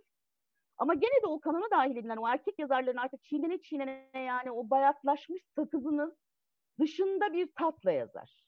Ee, ve başka olasılıkları gösterir. Ee, popüler romanda peki bir feminist söz bulabilir miyiz diye aradım. Ee, gene erken Cumhuriyet döneminde. Ee, popüler romanda da sıkça karşımıza çıkan klişeler var. Ama bunların hepsi mesela kanona dahil edilen romanlardan farklı olarak açıkça modern yaşamdan yanadır. Yani o modern ve milli arasındaki gerilimi e, diğerlerinden çok daha e, yumuşak bir biçimde e, yaşarlar, e, yazarlar daha doğrusu. Çok şahane bir lafız oldu. E, yazarlar. E, ve kadınlar bu modern yaşama katıldıkça yozlaşmazlar, aksine güçlenirler. Hatta böyle bir muazzam işte garbiyatçı fantazi içinde işte Avrupa'ya güzel sanatlar okumaya gidip oradaki işte burju ve erkek karakterleri kendilerine hayran ederler. Ha gene milliyetçi klişeler girmez mi girer mesela işte şey girer e, işte buradaki gayrimüslimlerden hakarete varan biçimlerde söz etmekler girer. Bu bahsettiğim garbiyatçı fantazi zaten milliyetçi bir klişe taşır yani hani Türk kızı gider ve Avrupalı erkeği fetheder falan filan. E, Aslı Güneş'in e, bu popüler romanlarla ilgili çok güzel bir tezi var işte ve orada diyor ki asıl kalıp hani e, varlıklı ve elit kadının serseri kuzenini ehlileştirmesidir. Ve e, ve bu arada da yani işte hani kadın gene erkeği ehlileştirmiş olur ama burada çok daha ilginç bir nokta var. Bu kuzenle evlilik teması bir yandan da erken cumhuriyet dönemi boyunca e, işte modern devletin hem de baş etmeye çalıştığı bir şeydir. Yani çok yaygın bir evlilik kalıbıdır antropolojik açıdan e, ve de e, ve de aslında bir sırrı ifşa eder. Nerede ifşa da etmez, ağzından kaçırır bence. Ee, bir taraftan da tabii bütün bu şeylerde bu modern yaşamın harikaları e, çoğunlukla okuru olan genç kızlara anlatılır. Yani ne kadar rahat bir hayat sunduğu, işte balolarda aslında ne kadar eğlenildiği, ne kadar güzel işte elbiseler olduğu vesaire. Bir tarafta böyle şeyler duruyor yani asıl kalıbı ta, e, taklit eden. Ama bir taraftan da mesela gene popüler roman alanında sayabileceğimiz çok ayrıksı örneklere de e, rastlarız. Bir tanesi tabii ki Cumba'dan Rumba'ya muhafazakar bir erkek yazardan gelmiş çok tuhaf bir romandır. Yani e, işte bütün o kimlik yani bize ait olan kimliği kadın taşıyacak ya neresinde taşıyacak? Basbayağı bedeninde taşır kimliği o, o, kadın kimliği. Yani namusunda taşır. Namuslu olmak ne demektir? İşte balolara gidip fazla içip kız, kadın erkekli ortamlarda sapıtmamaktır. Yani her zaman kontrollü olmaktır. Ve en önemlisi bekarettir. Ee, yani bedenin işte hani mülkiyetinin kime ait olduğunu her zaman hatırlatır. Ee, işte tutup bu e, sağ muhafazakar yazar yani Server Bedi yani Peyami Safa e, Cemile diye bir kadın karakter yaratır. Bu kadın karakter evlenmeden önce sevgilisiyle yatar e, ve bu e, işte yozlaşmanın değil aksine onun böyle işte a, e, samimi aşkının e, göstergesi olarak anlatılır. Ya da işte Kadıköy'ün romanı mesela Safiye Erol'un. İşte burada gene ikilikler üzerinden kurulur roman ama işte şehvetli bir e, sportif şehvetli ama kadınlara değer vermeyen bir erkek mi yoksa entelektüel ve aşık ve kadınlara değer veren bir erkek mi? İşte aldatan bir erkek etrafında işte Osmanlı'dan gelen bir hanımefendinin verdiği öğütlerle aslında bu kadınların dertlerinin ne kadar e, öncesine de gittiği falan. E, dolayısıyla bu popüler roman alanında da hani aşk gibi ciddiyetten uzak görülen e, konuların kuytusunda kadın yazarlara böyle e, işte gönül rahatlığıyla bırakılan bir alanda e, erkeklerin hiç de erdem timsali olmadığını bize hatırlatan ya da sevgilisiyle sevişen her kadının e, yozlaşmış olmadığını e, söyleyiveren romanlar karşımıza çıkabilir. Ve bunlar pekala bu yıllarda yazılabilir. Tabii Suat Derviş başlı başına muazzam bir e, meseledir ve Suat Derviş şunu yapar yani Nietzsche'den Marx'a gider ve e, bütün o işte kanunun e, yerin dibine batırdığı o varlıklı züppe bencil kızların neden öyle olduğunu anlatır. Ve onların e, aslında şefkat yoksunluğunu, sevgi yoksunluğunu anlatır. Ve bir anda kendinizi o kadınlara hak verirken bulursunuz. Yani onların tarafında bulursunuz. Bu muazzam bir şey tabii. Yani ya da işte e, fosforlu cevriyeyle tabii çok daha sonra yani ama erken cumhuriyet döneminden erdemli bir fahişe çıkarıverir önünüze.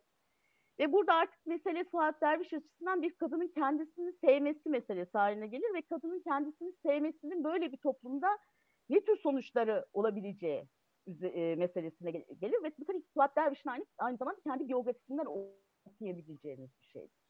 Yani Suat Derviş de bütün bu e, dertlerle muzdarip olmuştur. E, dolayısıyla kendini seven bir kadın olmanın bütün ağır sonuçlarına katlanmış ve onu yüklenmiştir. Ve sonuna kadar da bedelini ödemiştir. Şimdi en başta başladığım noktayla bitirmek istiyorum ben. Hani e, tarihsel metinleri, tarihsel romanları okurken e, ya da tarihi okurken yani bunları bu romanları işte hem de tarihi anlamak için bakıyoruz. Ee, iki soru dönüyor, duruyor önümüzde. Birisi süreklilik, devamlılık sorusu. İkinci soru da tarihte aktörün yeri sorusu. İşte bu soru bize mesela demin tartıştığımız kendine feminist demiş dememiş, e, aktör nasıl eyler, e, aktör çok şeyi değiştirebilir mi? İşte onun e, aktörün kendi içinde yaşadığı e, işte tarihsel toplumsal koşulların ötesinde bir manevra alanı var mıdır? Bütün buralara götürüyor. Ve e, tıpkı yani nasıl yerlilik bir sıfır noktasından başlamıyorsa feminizm de sıfır noktasından başlamıyor ve e, işte kendine feminist demediyse o yazarlar bunların hiçbirisi de demiyor ama başka bir söz üretiyorlar. Yani e, bilinen kalıpların dışında karakterler üretiyorlar, ilişkiler üretiyorlar, kimlikler öneriyorlar ve gerçek bir etki yaratıyorlar. Yani hakikaten kadınlar bunları okuyup etkileniyorlar. Ee, ve e, yani o tarihsel süreç sebebiyle diyemiyorlar. Yani belki hayal bile edemiyorlar ama bunun bir önemi yok. Önemli olan yani kendileri feminist demelerinin dememelerinin bir önemi yok. O sözü üretmelerinin bir önemi var. Ve biz de şu an diyebiliyorsak yani kendimiz artık feminist diyoruz. Herkes farklı yollardan diyor. Mesela benimkisi çok şahsi bir yoldan geçti ve e, kadın arkadaşların sayesinde oldu. Tam da işte bu feminist hareket politika yüzünden diyebiliyoruz. Onun için o kıymetli. Yani onu diyebilmemizi sağlayan ve dememizi devam ettirecek şey şu anda feminizmin e, geldiği güçlü nokta. E, bu feminizm meselesinde de çok başka bir yerde duyuruyorum dolayısıyla. Yani Kemalizmin ben e, bir Osmanlı'dan gelen sürekliliği sıfırlayamayacağını düşünüyorum. E, yani tasfiye etti ama e, sıfırlaması mümkün değildi. İkincisi bütün o işte erkek feminizmi denilen alanın bu metinleri de böyle okuduğuma göre açıkça ortaya dadır ki yani kadınlar için bir manevra alanı açtığını düşünüyorum. Yani ve hepimizin aslında e, kendi kişisel tarihlerimize bakarsak da o manevra alanı sayesinde buralara geldiğimizi düşünüyorum. Ve bu manevra alanını önemli buluyorum hakikaten. Yani tabii ki yani hani neye göre şu anda buradaysak o burada ama o alanı açtı. Hani bunu da inkar edemeyiz. Bu kadar benim demek istediğim şey. Teşekkürler. Yani burada ben bir şey söyleyebilir miyim? E çünkü Tabii. bu şey şununla alakalı. Şimdi belki yanlış anlaşılmışımdır diye bir e, özellikle e, vurgulamak istiyorum. Şimdi feminist demeleri ya da dememeleri meselesi bence tarih yani erkek tarih yüzünden ve o kesintili tarih yüzünden ve orada ben e, bunun özellikle hani e, bize bizden e, çalınan bir şey olduğunu ve bunun hesabının sorulması gerektiğini düşündüğüm için özellikle vurguladım. Yoksa Leyla Ebil tabii ki de feminist desin demesin fark etmez. E, o e, edebiyat kurumunun içerisinde Fethi Naci'yi ifşa etti mi? Etti. Orada duruşuyla durdu mu? Durdu feminist politika götürdü. Ama e, şunu e, özellikle vurgulamak istiyorum. Mesela Tülin Suat Derviş'ten bahsetti. Şurada Ahmet e, Oktay'ı suçlamak istiyorum özellikle. Mesela toplumcu gerçekçiliğin kaynakları sosyalist realizm üstüne eleştirel bir çalışma. Dipnotta Suat Derviş'i koymuş. Reşat e, yani kocasının müster adı diye ve hiçbir şekilde kendisiyle ilgili bir yazarlıktan bahsetmemiş. Şunu demek istiyorum. Bize okutulan derslerde önemsenen, kutsal bir şekilde bize sunulan bu eleştirmenlerin yapıtlarına karşı eleştirel bakabilelim diye bu bu e, e, tarihlerin, antolojilere e, politik bir çarpıtma yani Ahmet Oktay'ı anlayıp şöyle diyemeyeceğim Suat Derviş'i tanımıyordu diyemeyeceğim çünkü bu kadar üretken bir yazarı tanıyamamış olması mümkün değil. E, değil mi? Yeni edebiyat, toplumcu gerçekçilik üzerine çıkarılan e, dergide bu kadar yazısı varken, bu kadar iyi bir gazeteciyken o zaman iyi bir eleştirmen değil Ahmet Oktay bu kitabı yazıyorsa, toplumcu gerçekçiliğin Türkiye tarihini yazıyorsa bize Suat Derviş orada sadece bir dipnotla açıklama yapmadan müstahar diyorsa o zaman onu da eleştirme hakkına, onun eleştirmenliği de eleştirme hakkına sahibim. Ve bu tarihi suçlama ve bu tarihten dolayı da bizi güçsüz bıraktıkları için ve e, bilimsel e, bir müfredat olmadığı, bilimsel bir tarih olmadığı, yanlı, tek yanlı, tek cinsiyetli bir tarihle bizi e, uzun süredir oyaladıkları için suçlamaktan dolayı bunu dedim. Yoksa yani patriarkal tarihe ben bir şey söylüyorum. Yoksa kadınlara e, kesinlikle e, öyle bir şey söylemiyorum. Yani yanlış anlaşılmasın. Bir de şunu da cevaplamadım. O yüzden hemen bağlayacağım. Fatma Ali'ye, Emine Semiye, e, Şair Nigar, Makbule Leman çok önemli dostluklarla e, alan tutarak Fatma Aliye'ni gördüğü için Makbule Leman ondan güç alıp gelip orada şiirlerini yazabiliyor o dergide. Ve birisi Abdülhamitçi, birisi Abdülhamit karşıtı. Bunun bile farkındalığında, yani bu kadınlık davası ve çıkarı söz konusu olduğunda bunu bile önemsemiyorlar. Emine Semi Abdülhamit karşıtı, Şair Nigar Abdülhamitçi mesela ama çok iyi arkadaşlar. E, çok da e, güzel mektuplaşmaları da var, birbirlerine destek oluyorlar. Buradaki kadın dayanışması da 50 sonrası Leyla Erbil, Sevgi Soysal, Tezer Özlü arasında devam etmiş. Tezer Özlü'nün Leyla Erbil'e mektupları e, ve e, birbirlerine karşı e, işte e, o iktidar alanını e, aşındırmak için yaptıkları hareketler yani politik hareketlerde bulunmuşlar. Ki o mektuplarda biliyorsunuz adlar yazmıyor. Adlar çıksa ortaya kim bilir neler e, patlayacak. E, yani o ifşalar vesaire. Dolayısıyla o dayanışma devam etmiş yani her zaman için. E, o yüzden feminist deseler demeseler de önemli değil. Ama ben hesap sormak açısından yani diyebilirlerdi. Bizden bu tarih eksik e, İşte Ahmet Oktay e, o kitabında Suat Derviş şöyle yazdı diye diğer üstüne bastıralım. E, bize sunulanın ne olduğunu görmek için demek. Tülin el kaldırdı. Oradan Beyhan'a geçeceğim. Ya tamamen evet, haklısınız. Ee, çok kısa bir şey söyleyeyim. Yani tamamen haklısınız. Bence de Ahmet Oktay'ı e, kızalım, eleştirelim. Daha da çok yapalım, ifşa edelim. Ama e, bir yandan da işte bunun içinde hani aktörlerin olduğunu yani e, de hani şey onu vurgulamak istedim ben. Yoksa tamamen sizin gibi düşünüyorum. Evet. Beyhancığım. Merhabalar efendim. Merhabalar, hoş geldiniz. Herkese merhabalar tekrar. Ee, böyle bir toplulukla bir araya gelmek büyük bir keyif benim için de. Ee,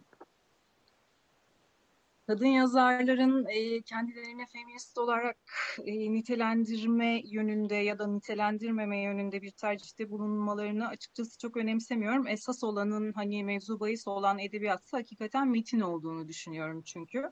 Bu e, adlandırmalar vesaireler çok da mühim değil gibi geliyor bana. Yani e, Osmanlı'nın bu son döneminden e, Cumhuriyet'in kuruluş yıllarına sonrasında işte 60'lı yıllar, 80'ler vesairelere baktığımızda son derece toplumsal açıdan hareketli bir hani coğrafyayı e, işte yeniden e, inşa edilen bir e, toplumla karşı karşıyayız vesaire. Ve o noktada kadın meselesi, kadın sorunu dediğimiz şey belki de işte yine arka planda ve e, bir noktada da kontrol altında, kontrollü bir şekilde gündeme getiriliyor.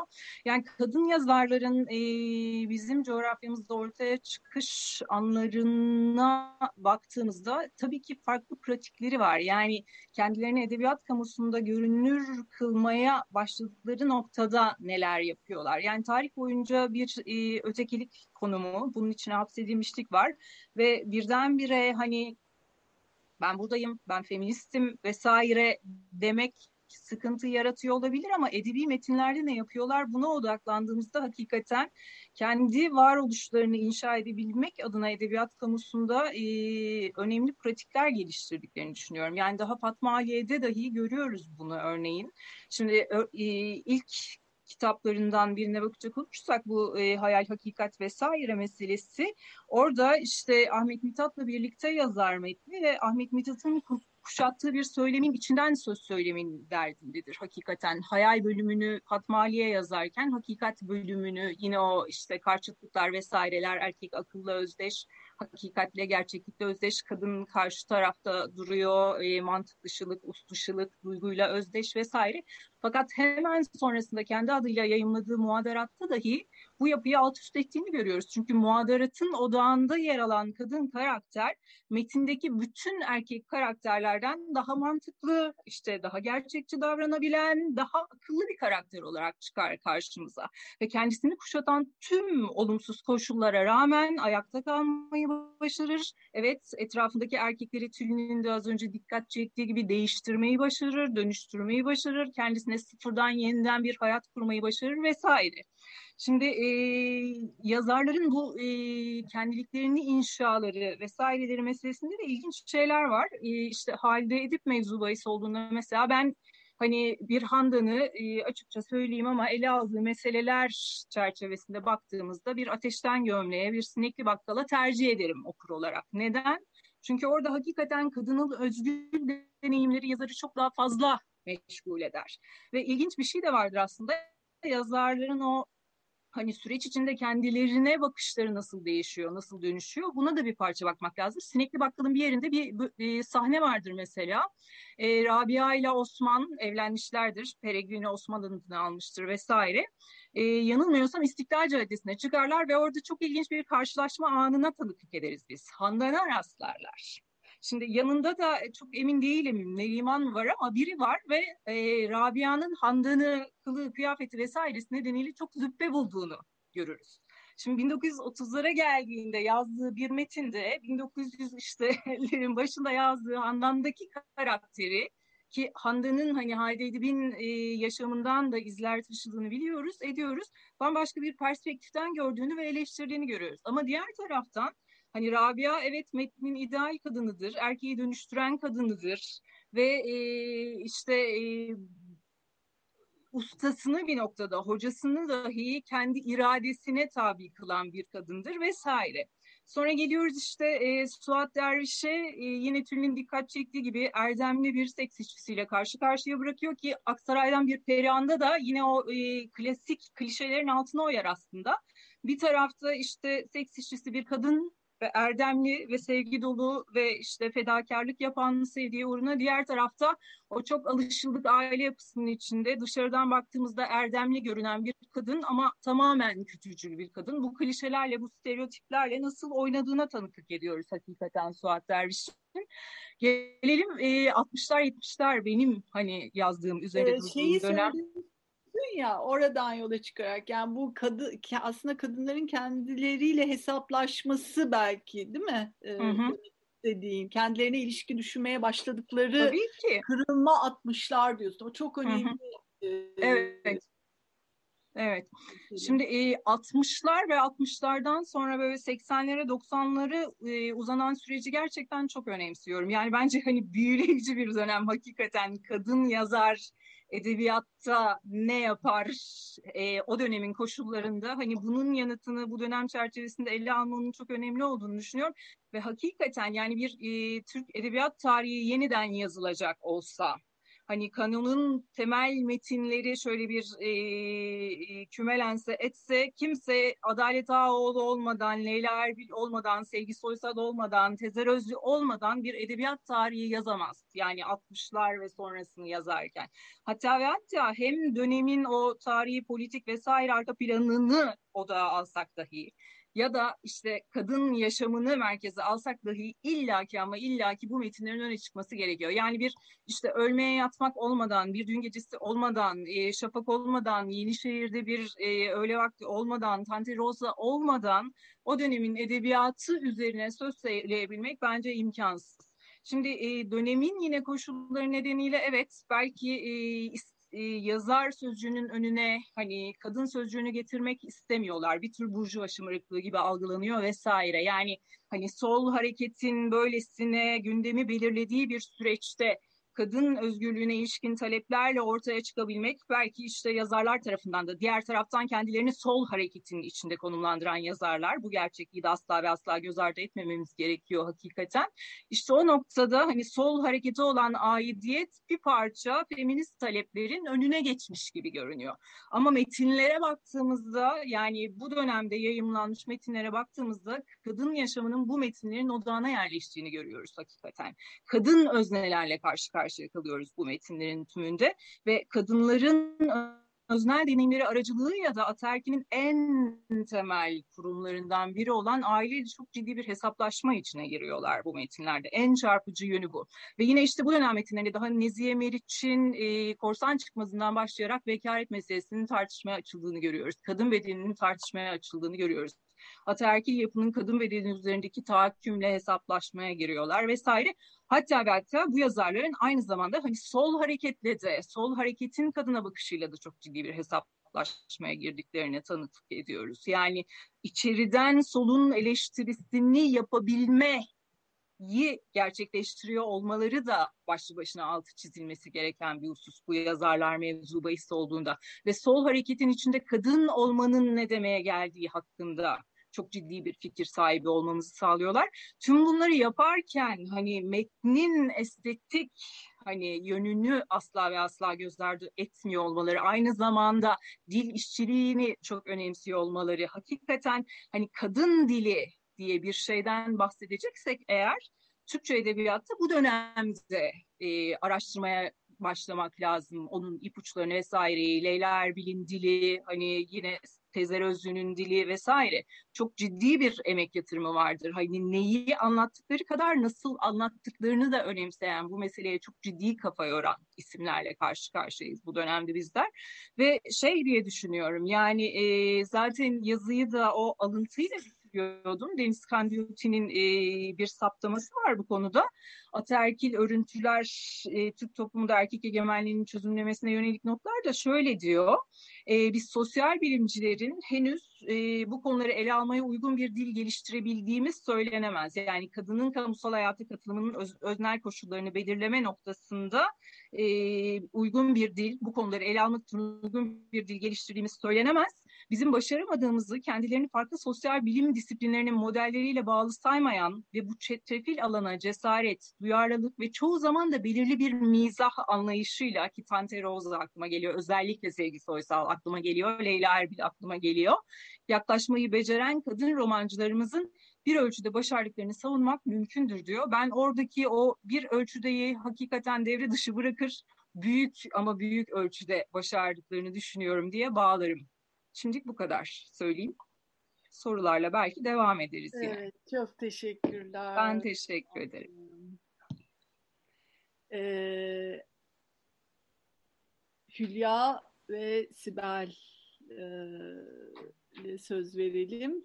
E, bu aslında bütün bu tartışmaların devamı e, gibi düşünülebilir. Bütün bunların üzerine siz ne düşünüyorsunuz? Kadın gibi yazmak meselesi. Bir de e, başta söylediğim e, Pelin Buzluk ve Aslı Erdoğan'ın e, yazınının queer teoriyle olan ilişkisini biraz e, daha açarsanız e, seviniriz arkadaşlar.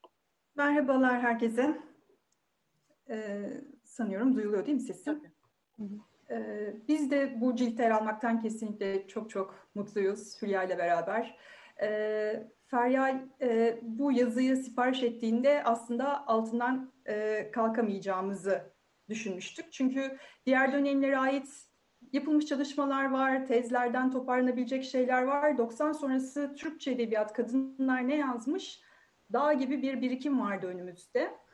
Ee, yani tabii nasıl e, bir örneğimiz olabilir diye düşündüğümüzde biz de Deniz Kandiyotti'den yola çıktık. Yani Cariyeler, Bacılar, Yoldaşlar adlı çalışması bizim için kadın imgelerinin toparlandığı bir başlık. Peki biz 90 sonrasında aradığımızda ne bulacağız? Aslında aradığımız şey doğrudan e, feminist politika yapan kadınların sözleri değildi.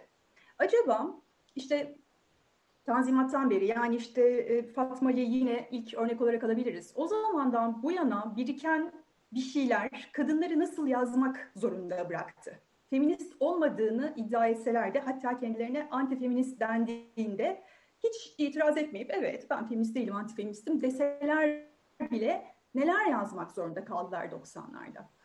Kaldı ki 80 sonrası politika yapmanın neredeyse imkansız hale geldiği bir ortamda e, feministler e, sayesinde politik bir alanda açılmış oluyor. Ama yine de buna uzak kalan kadın yazarlar vardı elimizde. Orada e, şeyden yola çıktık. E, Nurdan Gürbilek'in Vitrinde Yaşamak e, adlı kitabında 80'leri nasıl tarif ediyor, o ikilikleri nasıl kuruyor, çift düşünme biçimini. Ondan sonra da e, yavaş yavaş elemeye başladık. Elemek de çok zor oldu aslında Hülya ile birlikte. Çünkü e, neye bakacağız? Elimizde yavaş yavaş imgeler beliriyordu. E, yazımızın başlığında işte özgür kız imgesi var. Pek çoğumuzun hatırlayacağı Nilkara İbrahimgil'in Türksel reklamında kullandığı popülerleşmiş bir imge. Ardından e, deli kadınlık deli olmak ve bir de yazar kadın olmak, yazarak kendini bulmak gibi bir şeyler belirdi. Fakat mesela delilikle ilgili yine ayıklama yapmaya çalıştığımızda delilikten herkesin fazlasıyla yararlandığını fark ettik. Bu yararlanmayı bölmek için Hilal Aydın'ın tezi Edebi Delilik ve Edebiyatta Delilik yine bizim için çok ayırt edici bir tanım sundu. Ee, yazar kadın meselesini e, burada çok uzun yazı yazmıştık ama sürekli onlar kısaldı. Başkalarının alanlarına müdahale etmişiz. Cildin tamamındaki edebiyatla ilgili yazıları okuduktan sonra fark ettik. Editörler muhteşem bir iş yapmışlar ama başkasının alanı yazımızı kesmişler. Ee, orada e, tavan arasındaki deli kadın bizim için çok önemli bir e, işte kuramsal metin olmuştu. Çünkü kadın yazarlar e, işte Harold o şeye karşı çıkıyordu. Harold Bloom'un erkek yazarların birbirlerini alt ederek edebiyat kanununa girme çabasında. Peki kadın yazarlar hangi edebi soy ağacının hangi dalına tutunacaklar? Çünkü bir kere yazma korkuları var diyordu. Ee, o yazma korkusunu aşma yollarında da işte o kadınca bir dil kurmak e, çok önemliydi. Tabii bizim de ele aldığımız yazarlar arasında Leyla Erbil var. E, çok şükür ki 90'lardan sonra 2000'lerde de yazabilmişti ve kendi birikimini de onun o süreçte görmemiz, e, hem kendi birikimini hem başkalarına bıraktığı birikimi görmek çok kolaylaştırıcı bir faktör olmuştu. E, ben bu ana çerçeveyi çizdikten sonra Hülya'ya bırakmak istiyorum. Hı hı. Sonra şeye geri dönerim. Aslı Erdoğan ve e, Pelin Buzluk meselesine dönerim. Yine çünkü bir birikim işi. Hı hı.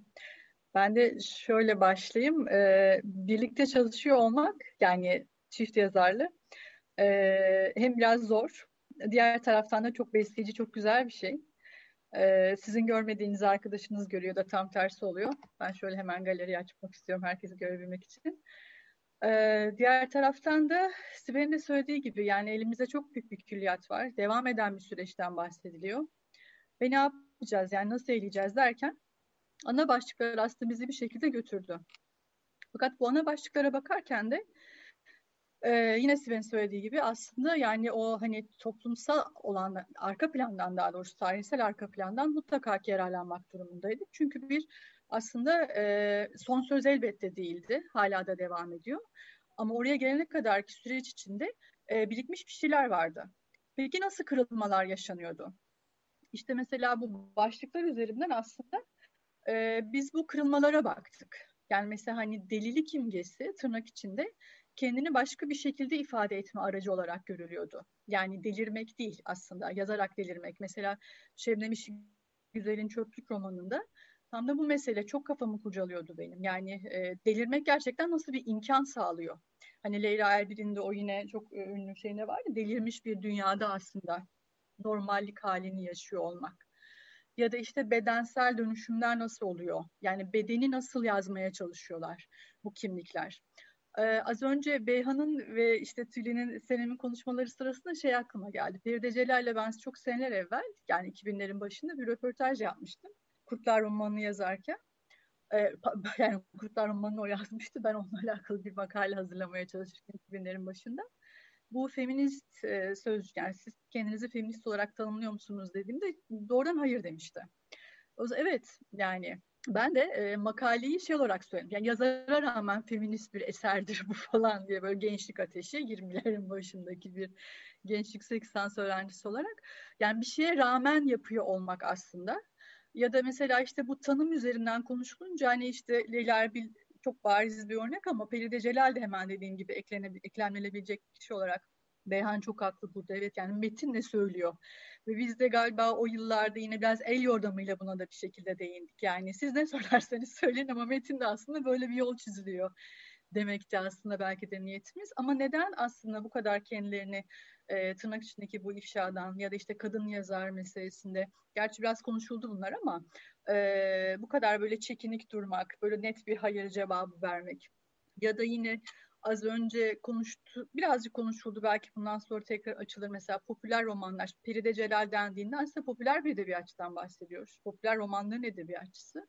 Kurtlar romanında biraz otobiyografik de bir roman bu ve şey yani bu işte burjuva kadınların tırnak içinde söylüyorum dırdırlarını anlatan bir romancı olduğunu hayatın boyunca falan değil. Kendisine de biraz böyle küçümseyerek bakan falan bir tavır. Popüler eserler gündeme gelmiş olmasının e, kendisi çerçevesinde yine böyle bir hani e, sorulduğu, sorgulandığı bir şey, e, bir tavır var yani. Dolayısıyla çok burada hemen bir araya Tabii gireyim mi? Tam geri geldiği çok için sevdim. ve Peride Celal dediğin için. yani çünkü yazıda da değiniyorum ben. E, Peride Celal'in de e, Gecenin Ucundasını e, alıyorum. Bu ilk dönem 60'lar e, dönemi söz konusu olduğunda hakikaten işte yani pembe romanlar yazarı olarak anılıyor uzun süre Peride Celal. Fakat tam da bu gecenin ucundayla birlikte aslında kendi geçmişiyle bir anlamda yazar olarak pembe romanlar yazarlığıyla hesaplaşıp bambaşka bir yol çiziyor kendisine ki gecenin ucunda da o açıdan çok önemli bir metin hakikaten. Hı hı. Çünkü tam da o pembe romanların klişelerine hakim, kurgusuna hakim, olay örgüsüne hakim bir yazar olarak o pembe romanların dünyasıyla hesaplaşıp bambaşka bir kapı aralıyor kendisine Gecenin Ucunda'yla birlikte. Yani bir tür yapı söküme uğratıyor o pembe romanları Gecenin Ucunda da ve sonrasında işte kurtlar geliyor vesaire geliyor, ödüller alıyor, bambaşka bir yöne gidiyor kariyeri Feride Yani evet aman hayır değilim diye olabilirler ama metnin ne söylediği, metinde ne yaptıkları, kendilerini metinde nasıl kurdukları bu isimlerin çok ama çok önemli. Tabii. Böyle, kusura bakmayınız. Çok çok teşekkürler Behancığım sağ olasın. Ben teşekkür ederim. Benim de mesela sen söyleyince şey yani metinde de var Sibel'le beraber e, makalemizde. Eren Diz Atasu Gençlik Yakıcı Mevsiminde de mesela değil mi arkadaşlar? Doğrudan orada da böyle bir hani e, ifşa ama o ifşa duygusu tam işte yıkıcı bir yere geldiği anda artık hani lanet olsun tırnak içinde dediği noktada bir şekilde böyle bir kendisine e, aktarma, anlatma ihtiyacı hissediyor olması bu çok temel sorulardan bir tanesi, soru işaretlerimizden bir tanesi buydu. Yani o tırnak içindeki yani delilik noktası nasıl bir yer, nereden bakıyorlar ve nasıl devam etmeye çalışıyorlar. Bunu biraz aslında çözmeye çalıştık Sibel'le birlikte. Ama tabii e, süreç devam ediyor. E, bu noktada e, Belki bambaşka bir şey Şebnem işi güzel çöplüğü mesele ele, ele aldık. Çöplüğün ötesinde dışında farklı bir şey yazacak belki. Yani doğrudan böyle yazar şöyledir böyledir demek. Mesela şimdi Fatma Ali örneğinden bahsediyoruz e, biraz işimiz kolaylaşıyor değil mi Yani, yani hani işte otoriter bir babası var Ahmet Mithat Efendi işte bir taraftan soluğu üzerinde diğer taraftan işte böyle bir kendi var olmaya çalışıyor Emine Semiye diyoruz ama işte 90 sonrası yazarlar için tam da bunu söyleyemeyeceğimiz için biraz ucunu açık bırakmak durumunda da kaldık aslında. Yani bir şeyler söyledik kendi e, bakış açımızla ana başlıklar çıkardık. Sibel'in söylediği gibi. Fakat e, süreç nasıl yani devam edecek bununla alakalı dediğim gibi başka bir yere de e, dönüş olabilecek mi? Eklenecek elbette bambaşka başlıklar olacak. Onu da biraz zaman gösterecek. O yüzden biraz korktuk yani Feryal bu işi bize verdiğinde. Bakalım ne olacak diye. öyle bir hani son oldu. Sonuç değil ama böyle bir sona yakın bir şeyler çıkmaya çalıştı yani en nihayeti. Ben şimdilik bu kadar söyleyeyim. Sibel'cim ekleyeceğim bir şey var mı? Ben şeyi unuttuğumu fark ettim. Mesela kaybolan imgeler de var 90'la birlikte. Artık e, yazarların metres kadın yazmadığını Aa, evet. e, fark ettik. Bu çok ilginç bir şeydi. Daha önce kadının önemli, e, yani ikinci kadın olan kadının suçlama noktası, hmm. bir yafta olarak onlara bir şeyin yapıştırılması, e, o özgür kız e, imgesinin çıkmasıyla birlikte artık e, çok geri planda kalmış, hakkında yazılmayan bir şeye dönüşüyordu. Bu şaşırtıcıydı ya da işte mesela antifeminist olduğu suçlamasına da diyebiliriz. Bir itirazı olmayan İnce Aral yazdığında çatırt diye ortasından yarılan karakterler yazmak zorunda kalıyor Suna. Annesinin ölümüyle birlikte Su ve Na olarak ayrılıyor ve içinden bir feminist çıkıyor aslında. Daha özgür bir kadın olmak isteyen biri çıkıyor. Ya da feminizm e, tanımlamasına hiç itiraz etmeyen Erendiz Atasü'de de yine bu ikili e, isimler karşımıza çıkıyor. Ayşe Aysu, Ayşe olarak, Aysu olarak ve Ayşu, Ayşe Aysu olarak üçe bölünmüş bir kimlik e, oluşturabiliyor. Romanın içerisinden tüm bu aşamaları e, takip edebiliyoruz. Hatta şey de bizim için şaşırtıcıydı. E, Sunan'ın dönemlerini ikinci cinsteki sevdalı kadın dönemleriyle birlikte okuyabilecek olmak falan da şaşırtıcıydı. E, daha sonra işte yani e, bu delilik meselesi ve yazar kadınlık meselesini birleştiren metinler Cüce e, ve Kırmızı Pelerinli Kent'i. E, hem Leyla Erbil bu e, zaten en baştan itibaren edebiyat yani ilk öykülerini yayınladığı andan itibaren dilli e, hallaç pamuğu gibi atmak derdinde. E, o eril edebiyat diliyle e, bambaşka işler yapamayacağının farkına varmış. Noktalama işaretlerini değiştiriyor. Hepimizin bildiği o yenilikleri getiriyor. E, onları Cüce'de çok daha e, aykırı bir şekilde kullandığını biliyoruz. Neredeyse kendisini Leyla isimli başka bir daha eril alanla tanıştırabilecek bir ara yazar e, tercüme ediyor. Yani metni o darmadağınık, ne idüğü belirsiz metnini toparlayıp bir kısmını atarak ki çok kıymetli bir kısım o. Tam da e, belki yani şey e, işte ana soylu bir dönemi kapatıp bir savaşla artık e, ataerkil tahakkümün başladığı, tecavüz sonucu başladığı bir şeyle e, kapatan noktayı Leyla isimli yazar atıyor mesela ama o atılan şeyi arayıp buluyor okur. E, yani çok alakasız yazarlar gibi göründüğü halde e, Aslı Erdoğan'ın benzer meseleleri edinmiş olması, üstelik de hani bu yerli ve milliden hep bahsediyoruz ya yerli ve milli olmamak sanki bir kusurmuş gibi yazısını yazacağı yer işte Güney Amerika, Brezilya'da yazıyor. Ama böyle biz bir sürü metnini yurt dışında yazan kişiyi tanıyoruz. Ne bileyim işte daha geçenlerde gözüme ilişmişti. E, Vedat Türkali güveni yazmak için Londra'ya gidiyor. İşte birkaç sene kapanıyor. Ama yani yaptığı şey o kapandığı yerle, ülkeyle, şehirle ilişkili değil. Onu biz hiç okumuyoruz. E, Aslı Erdoğan, e, Jale Parla'nın bir yazısında vardı.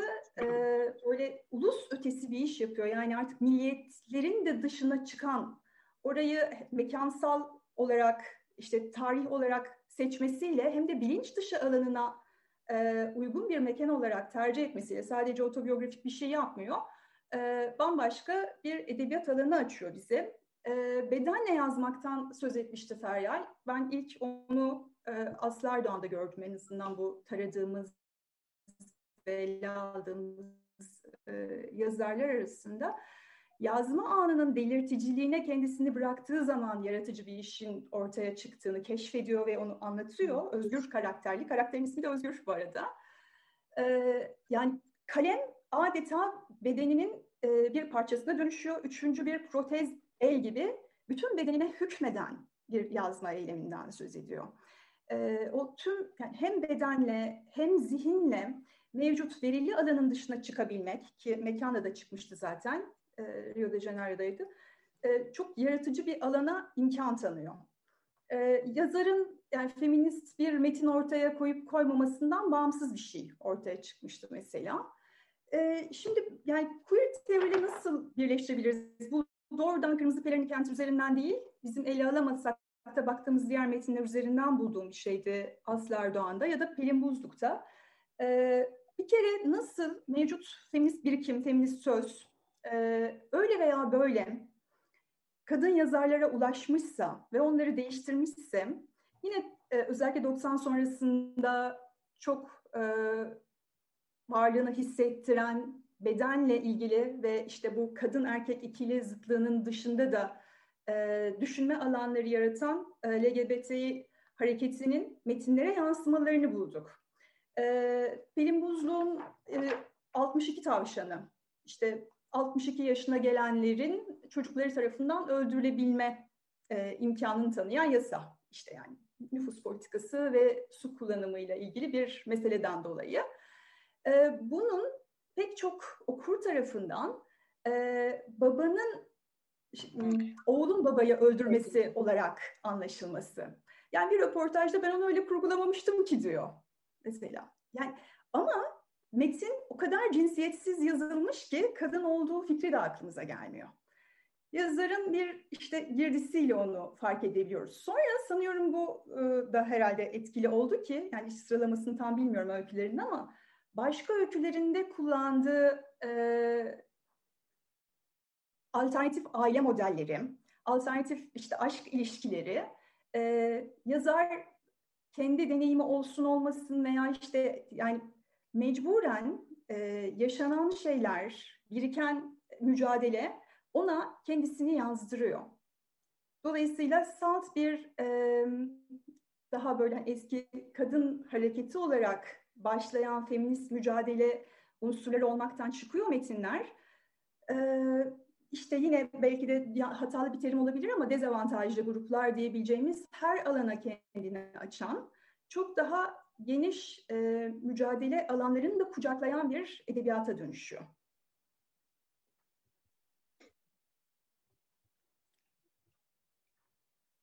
Feryal sesin duyulmuyor. Bahsettiğim bu muydu bilmiyorum ama. Evet, evet, evet. Çok sağ ol. ya senin ekleyeceğin bir şey var mı? Yok şimdilik. Biraz sonra devam ederiz. Çok sağ ol Feryal'cığım. Teşekkürler. Evet. Hu hu. ee, evet, hem bütün bu tartışmalar hem e, büyük soru aslında e, çoğu e, konuşmada geçti e, popüler edebiyat meselesi. E, ne diyorsunuz, ne dersiniz sevgili Didem? Merhaba herkese, iyi akşamlar. Bu saate kadar bizi dinleyen, evet. e, bizi izlemeye devam eden e, takipçilere de buradan selam olsun. Böyle bir çalışmayın üst, üst, üstünden altından kalkabilmiş olmak mükemmel bir şey. Çok tebrik ediyorum hepimizi. Kadın dayanışmasının kendisi zaten bu bence. Bunu ortaya çıkartmak. Şimdi şöyle bir şey söylemek istiyorum. E, bu çeviri meselesiyle başladık biz. Emek Ergün Hoca'nın anlattıklarından yola çıkarak ben de kendi hani bu metne nasıl yaklaştım, nasıl başladı bende bu metnin hikayesi oradan e, hikayemi kurgulayayım. Çünkü aslında hep bir hikayesi var herkesin bu e, kitaba dahil olmasının ve metnini kurgulamasının. E, aslında ben en son dahil olanlardanım diye tahmin ediyorum. Ve buradan Seval Hoca'ya da selam söylüyorum. Seval Şahin'e. Çünkü onun sayesinde yani o bir dayanışmanın, onun paslaşmasıyla aslında bu yazı bana geldi. E, o yazsaydı ben yazmayacaktım hani öyle söyleyeyim. Çünkü aslında ikimizin de çalışma alanlarından bir konu değil bu. Hani e, popüler edebiyat konusu. Biz de biraz popüler edebiyata bakıyoruz ama daha çok polisi edebiyat çerçevesinde ama aşk edebiyatları çerçevesinde işe girişmiyorduk.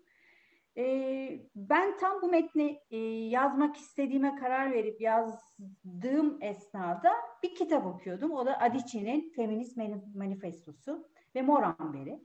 Çok ilginç bir şekilde e, bu popüler edebiyat olarak nitelendirilmiş. Ben iki yazarı seçtim. Kerime Nadir'le Muazzez Tahsin Berkant'ı. Çünkü ikisinin de eserleri E, Yeşilçam'da da çok hani e, senaryoya çevrilmiş metinler. Yani hem yazılı metin olarak bir e, okuyucu kitlesini, alımlayıcı kitlesini etkilemişler hem de seyirci olarak da hani e, daha daha geniş kitlelere ulaşmış hani eserler bunlar.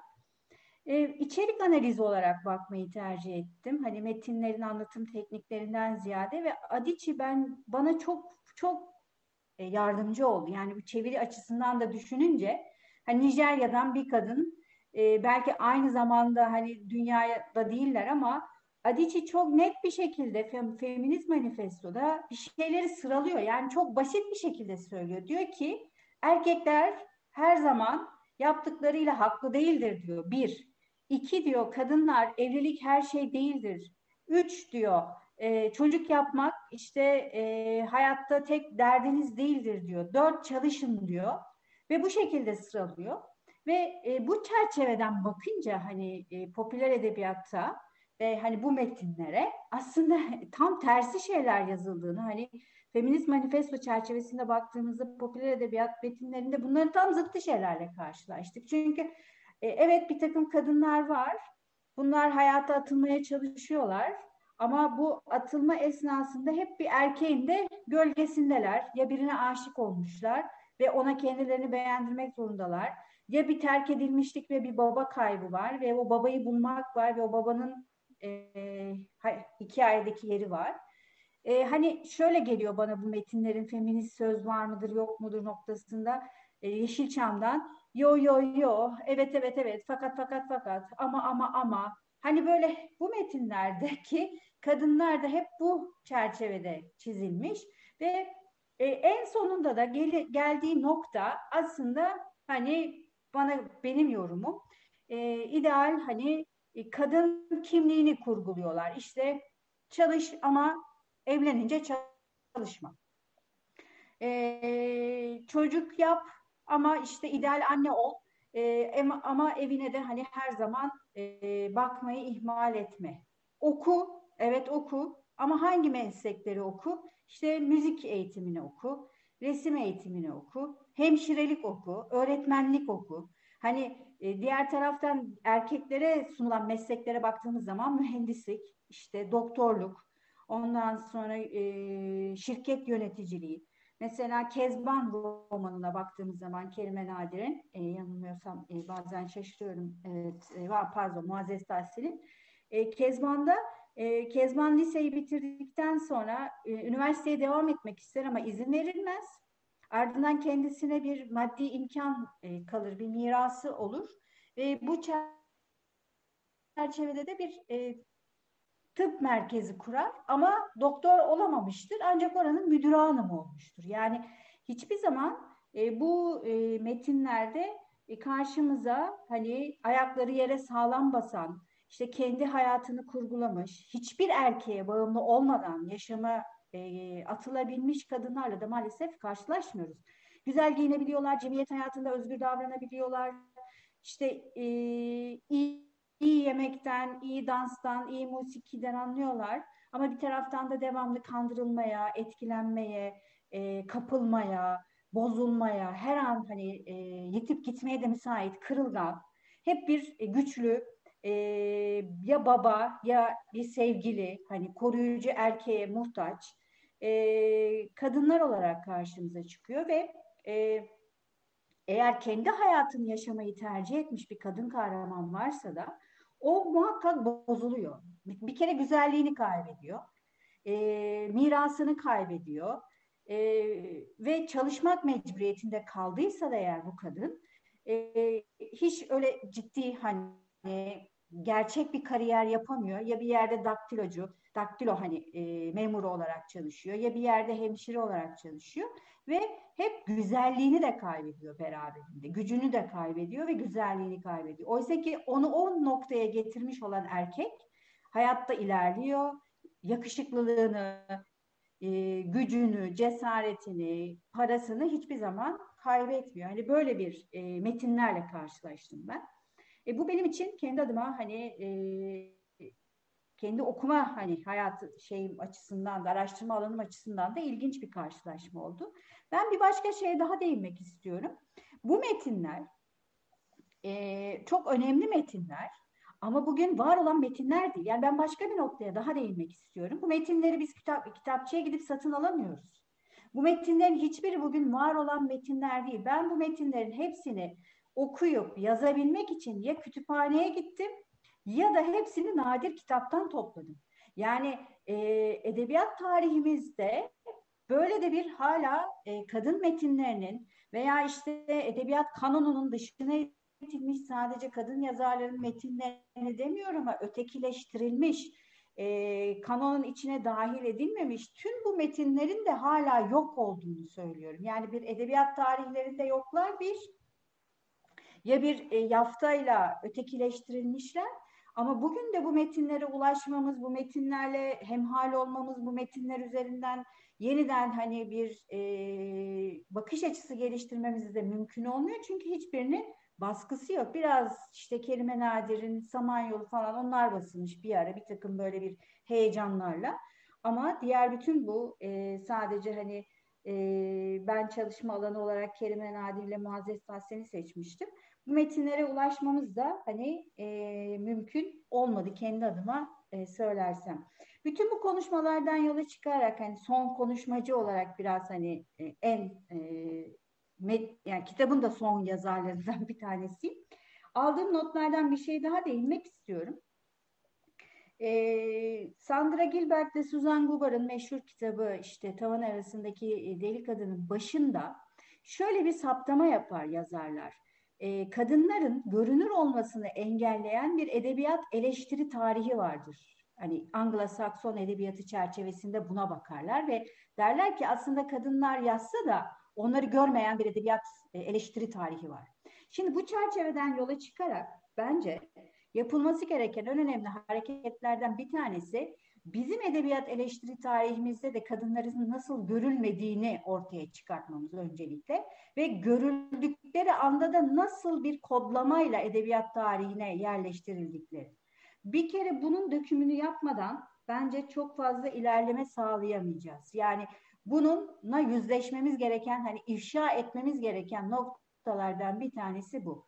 Eleştiri tarihimizde kadınlar nasıl gösterildi, nasıl yok sayıldı ve tek tek bunu deşifre etme. Bu bir bence bir proje olabilir. Buradan yani bir şey söyleyebilir bu, miyim e, Didem Hanım size? Şey e, Gaflet kitabını buradan izleyicilere önermek istiyorum. Evet. E, Gaflet kitabında e, tam da Osmanlı e, kadın edebiyatı ile ilgili, tarih yazımı ile ilgili öyle bir döküm yaptım. E, edebiyat evet. e, antolojileri ve tarihlerinde ve tabii e, eleştiri tarihimizde de. Yani şöyle baktım. E, 30'larda Varlık dergisiyle başlıyor. Kadın süreli yayınları bitiyor, erkek süreli yayınları başlıyor. Evet. Ve e, bu dergilerde kadınlar yoklar. Sadece erkekler vardı. Ve aynı zamanda e, tarih yazımı başlıyor, antolojiler yapılmaya başlanıyor buralarda nasıl bahsettikleriyle ilgili. Evet, evet. Ee, e, yani evcilleştiriliyorlar ve mesela Fatma Aliye örneğin Güzide Sabri santimentalist edebiyatta yani veremli, işte hastalıklı karakterleri olan marazi ve aynı zamanda da çok ilginç yabancı bulunuyorlar. Yani yine yerli milli meselesi evet. üzerinden. Ee, nasıl yazıldıklarına baktım ve aynı şekilde de bu e, eleştiri e, de Asım Bezirci'ye baktım mesela 50'lerde Leyla Erbil'i, Sevim Burak'la ilgili neler yazmış. E, orada da toplumcu gerçekçi olmadıkları üzerinden, burjuva evet. üzerinden e, eleştiriliyorlar. Yani e, tam bu noktada biraz yine kendimi e, öne sürmüş gibi oldum ama Gaflet'in o e, şeyinde evet, yani evet. E, yaptığım e, şeyi izleyicilere e, eğer merak eden olursa okumak için önerebilirim. Ayrıca evet. Gaflet'i de ayrıca önerebilirim. E, Modern Türk'te e, edebiyatın cinsiyetçi uçları Metis yayınlarından çıktı. E, önemli yazılar var gerçekten. Önemli bir çalışma bence edebiyat e, açısından. Evet, yani bütün bunu dönem dönem e, şey e, ortaya koyup hani sadece yok demek değil hani aynı şekilde yoklukları e, hangi dönemde nasıl yok sayılmışlar ve hangi kelimelerle ya da varlıkları hangi kelimelerle sınırlandırılmışlar. Bunun dökümünü tam anlamıyla yapmadan hani e, ben tavan arasındaki delik kadından anladığım e, kendi edebi e, kadın yazınımızla ve erkek edebiyatıyla hani karşılaştırdığımızda e, ortaya dökülmesi açısından bunun e, en önemli e, çalışmalardan biri olduğunu düşünüyorum. Sadece şunu söyleyeceğim.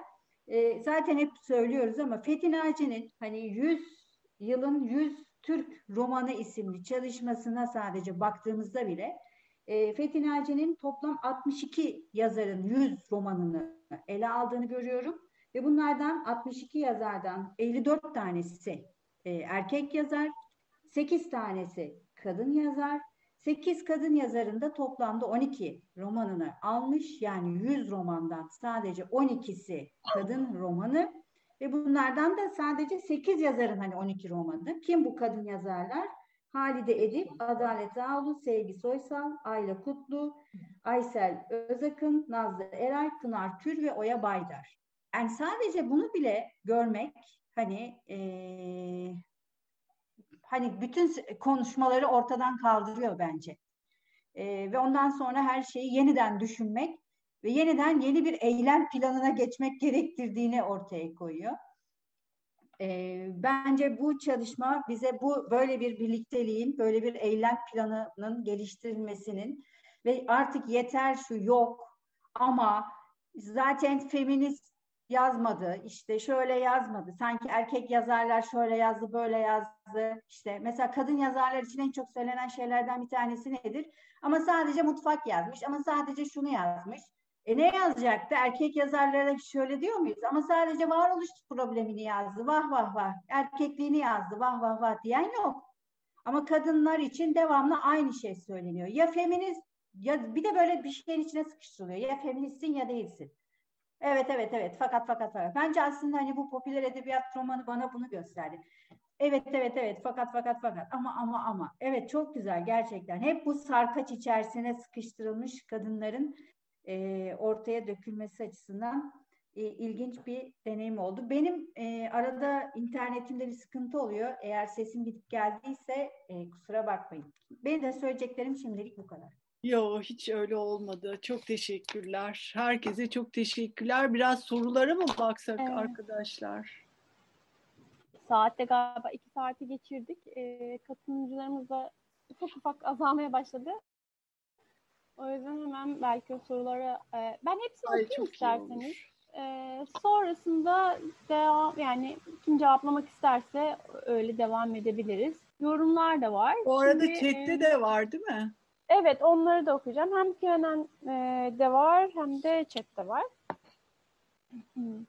E, Bade Başar şöyle bir yorumda bulunmuş. Çevirmeni görmek okuyucu okuyucu kültürel sınırlarla karşılaştırdığı, bunu ona gösterdiği ölçüde itici bulunuyor ki bu bence çevirinin ruhuna çok büyük bir haksızlık diye bir yorumda bulunmuş. Taş Koç Erken Cumhuriyet dönemi için cinsiyetsiz politik ortamda güçlü kadın modeli yaratan Halide Edip adı var feminist hareket içinde nasıl değerlendirilmeli? Türkçe edebiyatı içerisinde feminist yazarlara bakılacak olursa kırılma etkisi yaratan ve iyi odaklanmamız gereken yazarlar kimler olur? Teşekkürler demiş.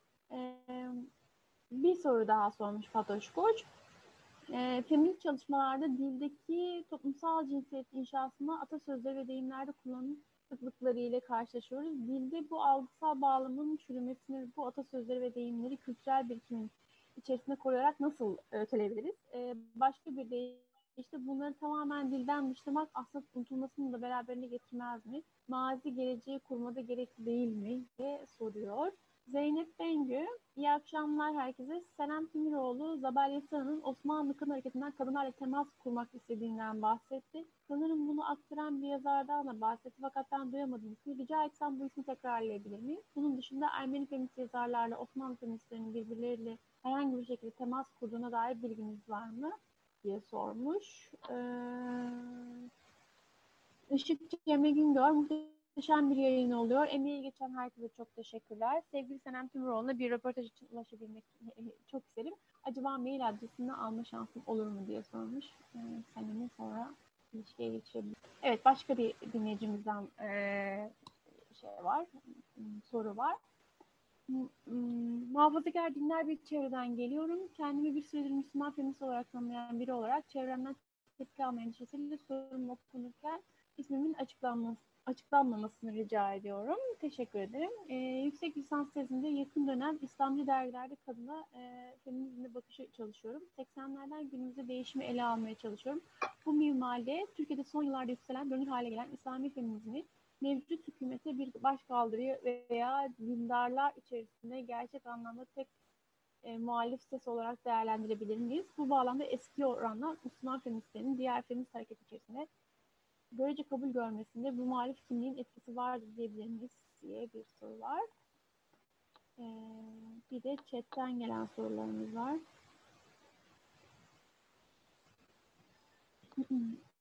yani pardon bir soru daha varmış Göney'de. Kitap müthiş bir çalışma. Hepinizin el, eline sağlık. Küçük bir anımsattım. Buket Özüner'in bir siyah saçlı kadının gezi notları sayesinde bir nesil tek başına gezebileceğini öğrenmiştir. Büyük olasılıkla Aslı Erdoğan'la benzer şekilde Firuzan e, Berlin'in Naçi'nin Aslı Erdoğan'dan özen, önce yazmıştır. E, derlemede özellikle 90 sorusunu kişisel beğeniyle ve derlemeye katkıda bulunan yazarların kuşakla e, etkilenmiş olabilir mi? diye bir soru var. Evet. Chat'tekileri de hemen kısaca yazıyorum.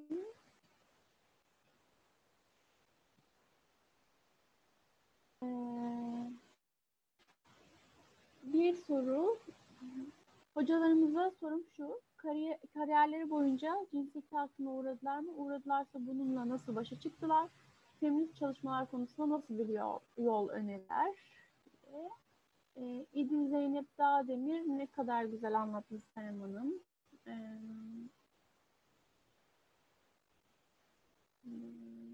Evrim Dilara Onat. Merhabalar, bu kadar şahane bir formla akşamımızı, keyifli, akşamımızı keyiflendirdiğiniz için çok teşekkür ederim. Değerli yazarlarımıza, hocalarımıza popüler kültürde feminizm hakkında ne düşündüklerini sormak istiyorum. Yazılıkta gerek medyada, edebiyatta para yapar bu mantığıyla feminist düşüncenin e, işlendiğini düşünüyorum. Bu söyleme katılırlar mı? Beyhan ve Ürün Hocama selamlar. Teşekkür ederim. Seval Şahin'den bir not var. Çok güzel bir çalışma. Tebrik ediyorum. Kitapta edebiyatta cinsel şiddet üzerine bir makaleye yer vermeyi mü? Eleştiri konusunda Ahmet Bey'in kitabında Suat Derviş'i toplumcu gerçekler arasında almaması ya da onun yazdıklarını kocasına mal etmesini aslında bugün Suat Derviş hakkında yapılan çalışmalarla biliyoruz. Okuyun burada Suat Derviş'e sadece kadın olduğu için yer vermediğini söylemek biraz zor sanki. Hmm. Ee, Özlem Özlem hayatımızdaki ekle boşluklara bol sorulu, değerli toplu eleştirellik ve tarihsellik perspektifi için harika emek teşekkürler demiş. Evet. Ve şöyle bir sorusu var Özlem Özlem'in. Siyasi parti çalışan bir feminist olarak yalnızlık duygusu yaşayan bizleri itirazlarımız güçlendirdiği için teşekkürler. Daha fazla temasa kapıya çarpışmaya ihtiyaç duyuyor musunuz sizler de? diye son olarak sormuş. Evet. Bu kadar şu anda sorularımız. Bir de Nasıl sesli yapalım? olarak Bahar'a sesli olarak mı? Evet. Evet ama nasıl sorabiliyor? Yayını evet, bağlayalım Bahar Hanım'a. Evet, ee, Bahar Hanım eğer sorunuzu iletmek istiyorsanız şu an sesle bağlanabilirsiniz.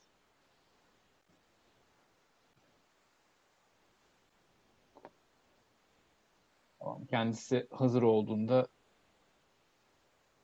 söz alabilir şu an. Ee, bazen yanlışlıkla da basılıyor öyle. O yüzden ben evet. e, chatten de kendisine yazdım. Ee, tamam. Siz buyurun isterseniz devam edin. Bu arada evet. ben Didem Hocama popüler edebiyatla ilgili bir şey sorabilir miyim? Tabii. Merhaba Didem Hocam. Merhaba, merhaba. Ee, şimdi e, bir dönem işte hakikaten bir furya var. İnanılmaz e, bir şekilde metinler üretiliyor, yayımlanıyor, tüketiliyor, sinemaya uyarlanıyor vesaire vesaire. Sonrasında da bu metinler adeta rafa kaldırılıyor. Yani bugün hakikaten baskılarına ulaşmak vesaire neredeyse imkansız. Bir ara Selimilerinin herhalde ne diyelim evet. Feride Celal sevdasından vesaireden böyle bir tekrar basmaya başlamışlardı. Ama o da askıda kaldı diye biliyorum. Yeterince satmamıştır muhtemelen. Şimdi bu e, popüler edebiyat ürünlerinin yaygınlaştığı dönemin e, Cumhuriyet'in bu 1930'larıyla, 40'larıyla, 30'lu 40'larlı yıllarla vesaire ve bir parça daha sonrasıyla örtüşmesinin acaba e, bir parça e, Kemalist feminizmle ilişki, ilişkilendirilebilme ihtimali var mı? Bir, bunu merak ediyorum. E, yani işte bir kadın prototipi var zihinlerinde ve o popüler edebiyat bu kadının tırnak içinde inşasına Hani yardım ediyor mu, hizmet ediyor mu, böyle bir yönü var mı? İşte eğitimli ama ne için eğitimli? Hani ailede erkeğin yanında tırnak içinde şık görünsün diye, baloya gittiğinde e, dans etmesi gerektiği şekilde edebilsin diye, gerektiğinde Fransızca konuşabilsin, kalabalık ortamlara girebildiğinde diye çalışıyorsa çalışsın ama evleninceye kadar çalışsın. Evlendikten sonra çalışıyorsa da hani bu işte aileye karşı, çocuklara karşı sorumluluklarını hani yerine getirmesine engel olmasın vesaire gibi böyle şeylerle karşılaşıyoruz.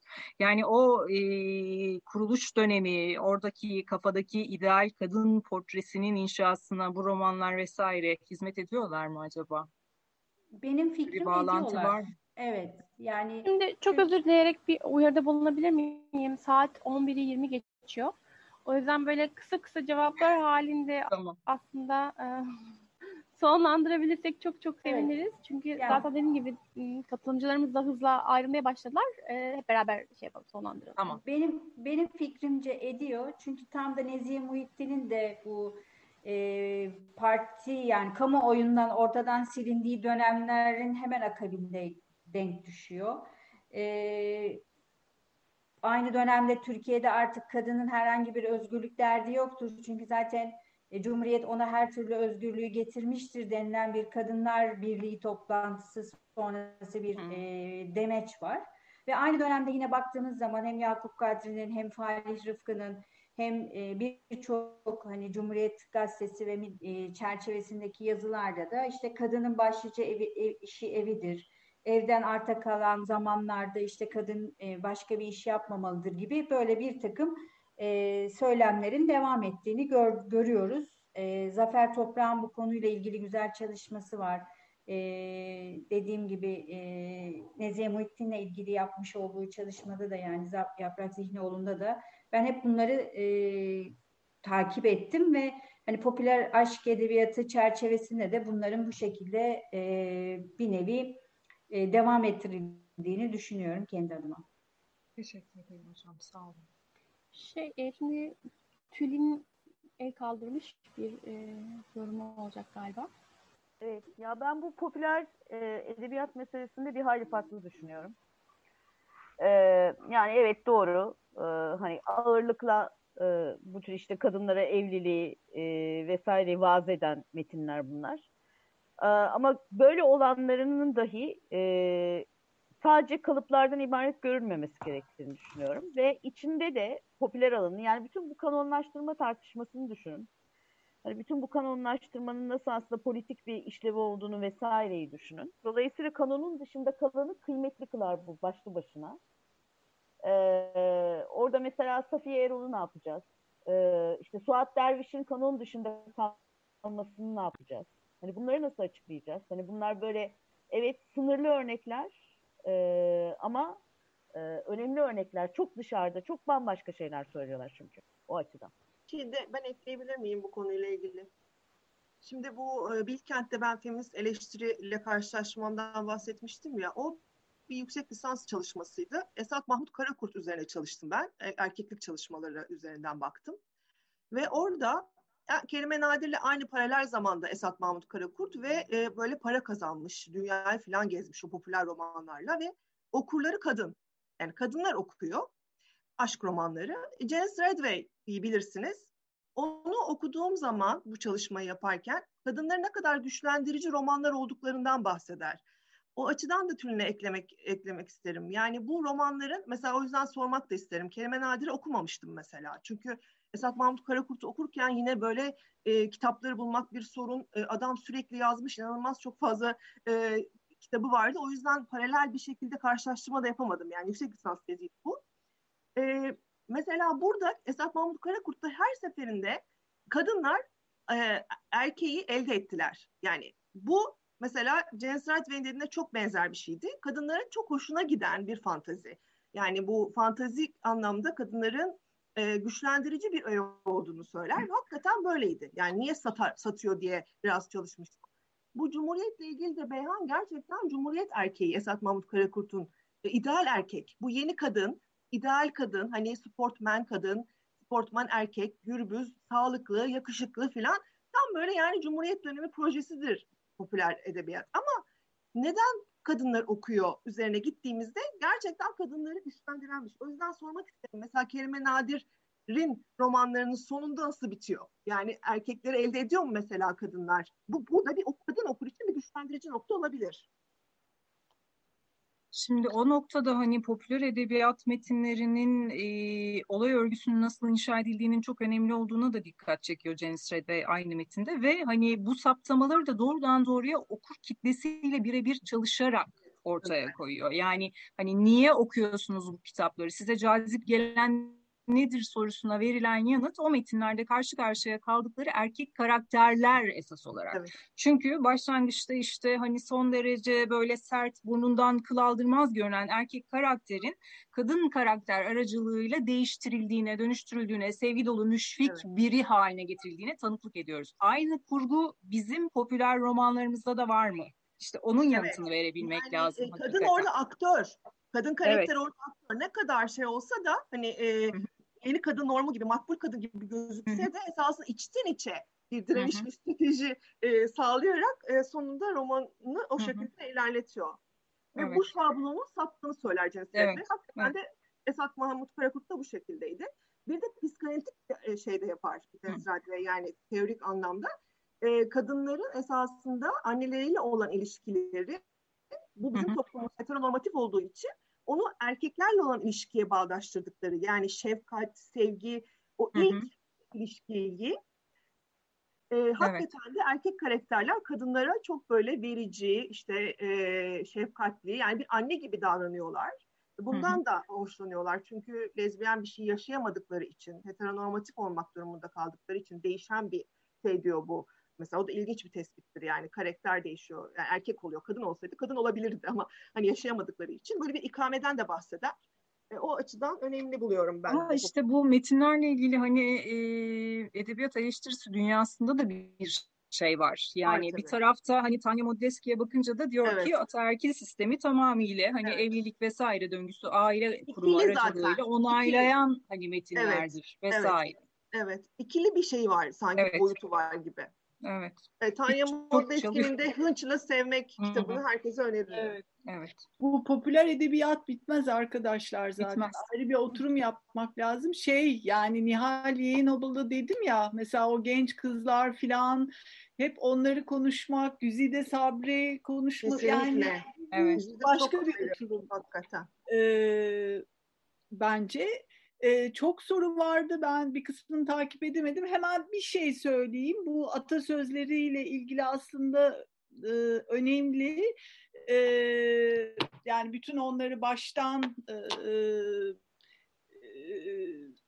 bakıp ters yüz etmek, e, iyi okumak, yani nasıl bu şeyin e, e, yazın alanının her bir tarafımızın içine işlediğini, atasözlerinin, deyimlerinin, deyimlerin nasıl kurduğunu aslında e, patriarkal dili baştan aşağıya e, gözden kaçırmamak lazım gerçekten de. Onun için Filiz Bingölçe'yi e, 2016 yılında kaybettik. E, çok değerli çalışmalar yaptı bu dil üzerine, feminist dil üzerine. Başta kadın argosu sözlüğü, sonra bir e, türküler üzerine de çalışma yaptı. Kadın türküleri üzerine hem küçük bir belgesel hazırladı hem e, şarkı, türkü sözlerini derledi diyeyim. E, dolayısıyla kadın kadın argosu söz, sözlüğü kadınların kendi aralarında nasıl o dili ters yüz edip yeni bir dil yarattıklarını ortaya koydu e, çok genç bir yaşta 2016 yılında e, aramızdan ayrıldı. Bunun dışında e, Mineke Şiper'in e, atasözleri ile ilgili olan çok böyle e, kapsamlı bir çalışması var. E, 3000 küsur dil üzerine çalışıyor ve e, aslında atasözlerinin o erkek dilinin nasıl bütün kültürlerde birbirine yakın olduğunu dolayısıyla da bizim böyle patriarkayı anlatmak için e, ter döktüğümüz e, halimizi ortaya koyuyor şey bir çalışmayla, kült bir çalışmayla. Yani bu bir sistemdir ve de her yerde aynıdır. Patriarka böyle bir şeydir. Çok böyle net bir şekilde ortaya koymuş oluyor. Mineke Şiper. Evet şey yani Seval'i hemen değil mi Nacide? Ona aklımda o kaldı. Cinsel hı hı. edebiyatta cinsel şiddetle yani edebiyatta o kadar çok şey var ki zaten. Dipsiz kuyu, tek tek temaları, pek çok şey, yoksulluğu, kadın yoksulluğu. bir cilt lazım. Evet. evet. iş, yani o çok fazla şey var. Dolayısıyla daha genel e, böyle bir kronolojik bir e, şey yaparak, e, izlek yaparak e, yer vermek ancak öyle olabildi. E, tabii bu popüler edebiyat meselesi kafamızı çok kurcalıyordu. Nasıl yapsak? E, kim yazar? Nasıl olalım? Nasıl ol, yani nasıl e, başa çıkalım? E, hem de bu tartışmalı konuyla diye e, Didem sağ olsun e, senin sayende dediği gibi imdadımıza yetişti e, ve de böyle bir tartışmaya da vesile oldu aynı zamanda. Tülin el kaldırıyor. Buyurunuz. Ya bir soru sorulmuştu da o atlanmasın istiyorum çünkü ben de gerçekten tabii, tabii, ben... çok merak ediyorum. O e, Ermeni yazarlarla e, Ermeni kadın yazarlarla Osmanlı e, Müslüman kadın yazarlar arasında bir ilişki olduğu mu sorusu bence çok çok önemli bir soru. Evet. Bir de küçük küçük bir yorum yapmak istiyorum. Yani bir katkı gibi son böyle. Hani burada anlı, konuştuk ya işte feminist demek dememek kendine meselesini. Hani burada bir ayrım yapmak ve onu ıı, zamansallaştırmak, tarihselleştirmek önemli geliyor bana. Feminist hareketin tarihiyle ne ölçüde örtüştüğüne bakmak. Ya yani bir taraftan kendisine feminist diyememek başka şey, dememek başka şey, demeyi reddetmek başka bir şey. Hani bunları ayrıştırmak önemli. Ve burada kadın yazarların mesela hani zamansal olarak yazar kuşaklarının tavrı ne oldu? Ve e, kendisine feminist demeye ne zaman başladılar? Yani böyle göğüslerini gere gere anlaşan yani ve bunun da işte dediğim gibi feminist hareketler. Bu böyle bir soru olarak belki birimiz bir gün yazar. Güzel bir soru.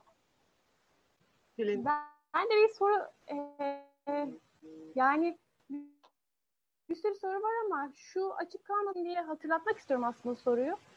Ee, ben tam bağlamında konuşuyorduk. Ee, bu ifşa meselesinde belki bir kısacık bahsedip mi sonlandırsak?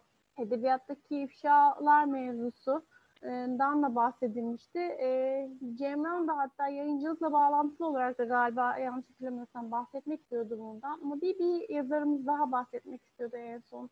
E, ben çok kısa şey söylemek isterim esasında. Yayıncılık alanında e, hani evet erkek egemen bir görüntü vardı diyeceğim ben o kısmı. Çünkü yayıncılık hani bir şey büyük resimde büyük bir alan. İllüstratörlerin, dizgicilerin, editörlerin, işte sadece yayın evi çalışanlarının değil dışarıdan freelance olarak da iş yapan çok sayıda insanın olduğu ve bunların çoğunlukla ağırlıkla kadınlardan oluştuğu da bir alan. Dolayısıyla özellikle bu ifşa meselesinde bu kadar hızlı aksiyon alınması, harekete geçirilmesi, bir takım mekanizmaların zorlanmasında kadınların müthiş bir gücü ve etkisi var ve yayıncılık alanında da artık kadınlar e, şey noktadalar, e, karar alıcı mekanizmalardalar. İşte bundan hani söz konusu yazarın yayın evinin genel yayın yönetmeninin bir kadın olması, böyle bir duyarlılığa sahip olması, bir feminist bilinçle hareket edilsin edilmesin burada çok ciddi bir e, şey zorlama mekanizmasını harekete geçirebilecek güce sahip oldular kadınlar ve hani müthiş de bir e, şey e, güçle, cesaretle, dayanışmayla ve çok hızlı bir şekilde bir takım işte yazar örgütlerini de zorlayacak şekilde, belli kurumları da zorlayacak şekilde harekete geçirme noktasında bir arada hareket edebildiler. Bu çok e, kıymetli bence e, ve kadınların yayıncılık alanındaki güçlerini de gösteren bir şey. Tabii Bu anlamda Saadet Özen, Saadet Özdil'in o sırada gelen yayın yönetmeni olması çok etkiliydi mesela. Değil mi? E, hem öyle hem işte Pembe Yazarlar Derneği'nin başkanı Zeynep Oral olması gibi hani bu Aynen. insanlar artık çok şeyler, kadınlar çok güçlü noktalardalar. E, kadınların birbirini cesaretlendirmesi de çok önemli bir mekanizma.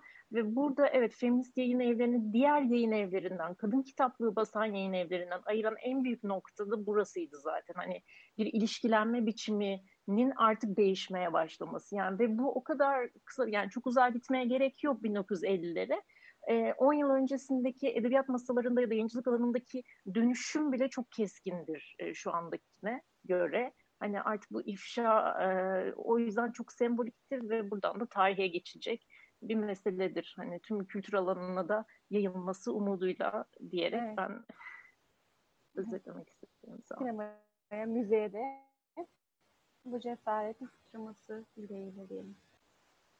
Bir e, yani yanlış yazarlarla ilgili bir cevap. aslında bundan bahsetmek istemiştim. Ee, Ermeni yazarlarla ilgili Tülin'in sorduğu bir e, dinleyicinin sorduğu tamam. soruya yanıt vermek isterim.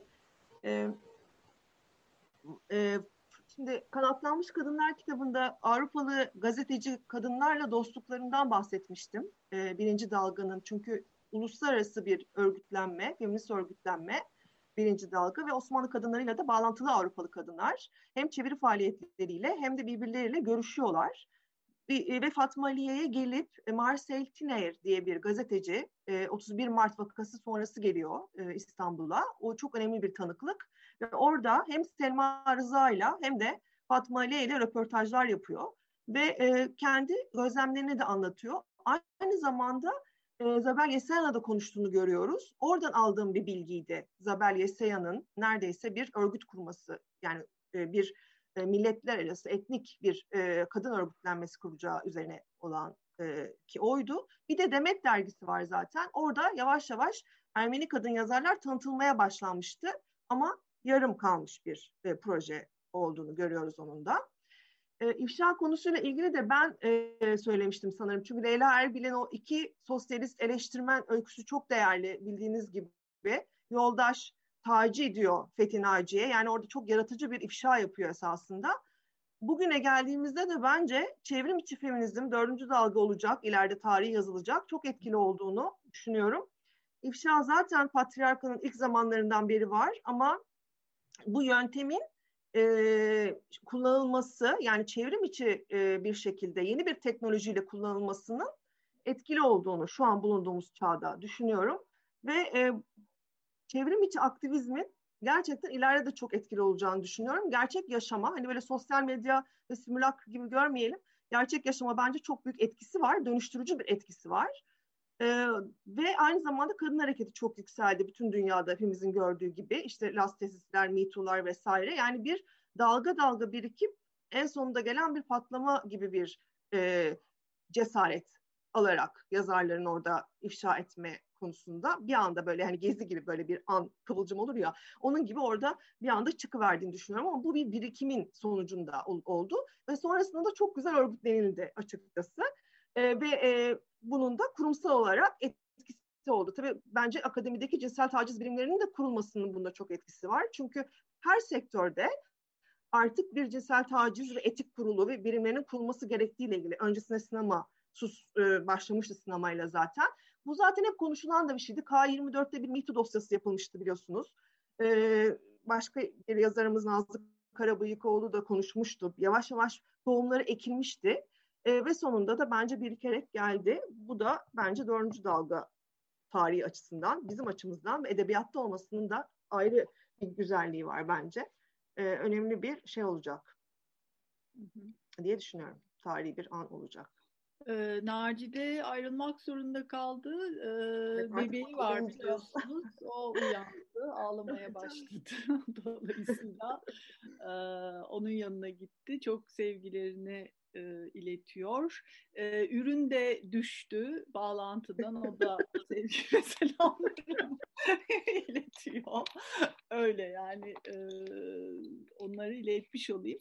E, aslında şöyle bir yere gelmiş oluyoruz. O başta sorduğum e, Senem'in Osmanlı kadın hareketiyle ilgili olan e, yazısında söylediği e, kadın dostluğu ve dayanışmasının devam ettiğini değil mi? Yani bu ifşalar üzerinden söylemiş olduk ama e, her durumda yani feminist hareketin güçlenmesi, e, yaygınlaşması, tabii bununla birlikte yaygınlaşmış olması e, önemli ve de e, evet yani bize hep tersini söyletmeye çalıştır, çalıştıkları şey erkeklerin, patriarkanın yani e, birbirinizi ne kadar okuyorsunuz, ne kadar haberdarsınız, ne kadar o dayanışma ne kadar söz konusu e, söylemini aslında çürüten e, hem metinlere baktığımızda hem etrafımıza şöyle bir baktığımızda e, zaman zaman kesintiye uğrasa da yani ben şeyi merak ediyorum tabii e, 60'larda e, özellikle e, yani Leyla Arbil'in, Sevgi Soysal'ın, Tezer Özlü'nün e, ait olduğu çevreler var. Yani bunlar her zaman birlikte değiller.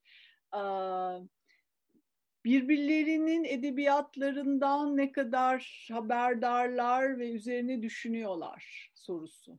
Aslında her dönem için. Bu geçerli de daha çok o dönem için e, diyeyim. E, şimdi biraz daha fazla okunuyor ve konuşuluyor. Yani daha bir şey o bir aradayız ve e, kadın edebiyatı ya da feminist edebiyat e, ne dersek diyelim daha haberdarız ve bir yani kadınlar birbirlerinin metinleri üzerine daha çok konuşuyorlar diye düşünüyorum ya da düşünüyorlar değil mi? Hı hı. E, yani tabii bu kişisel bir şey. Benim Leyla, Senem'in de sanırım vardır e, Leyla Erbil'le ilgili anekdotları. E, bize çok yakın oturuyordu Leyla Erbil. Yani birkaç kez evine gitmiştim ve tabii en çok merak ettiğim mesele de buydu tabii. Yani ne, kadar okuyordunuz um, işte bu çevrenizdeki kadın yani e, daha kapalı, daha kendi üzerlerine düşündükleri bir yerden konuşuyorlar. İşte dönem itibariyle de belki. Hayır, burada bir ekleme yapabilir miyim? Ee, biz bunu Latife Tekin'le konuşmuştuk. Ben ona sormuştum.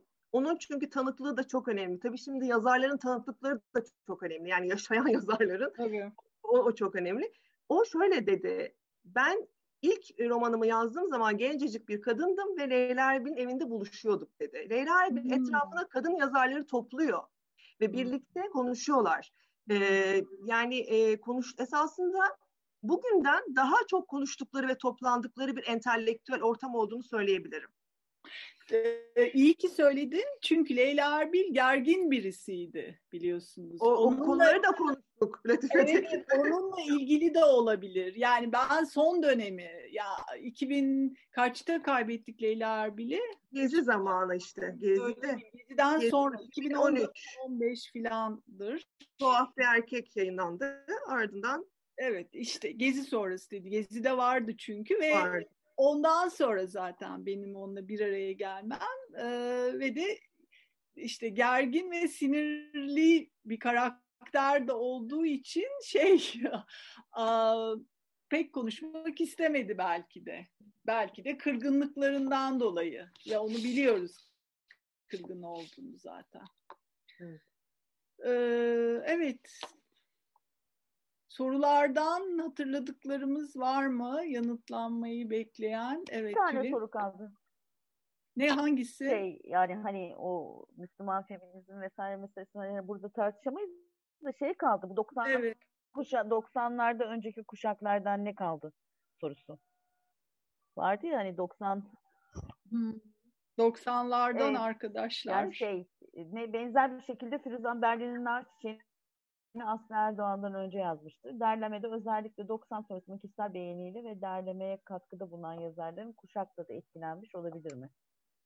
Yani ben böyle hani 90'lara ne miras kaldı gibi anladım bu soruyu ama belki de yanlış anlamışımdır. Tek bu soru kaldı yani. Ben pek anlamadım yani ben, Evet, ben de çok anlamadım. Ee, kişisel beğenimizle oluşturmamaya, yani oluşturmadık sanırım. Başka çeşitli şeyler aradık. Çok fazla malzeme taradık. Ee, ama ben Firuzan Berlin'i okumadım. Dolayısıyla hiç cevap veremedim.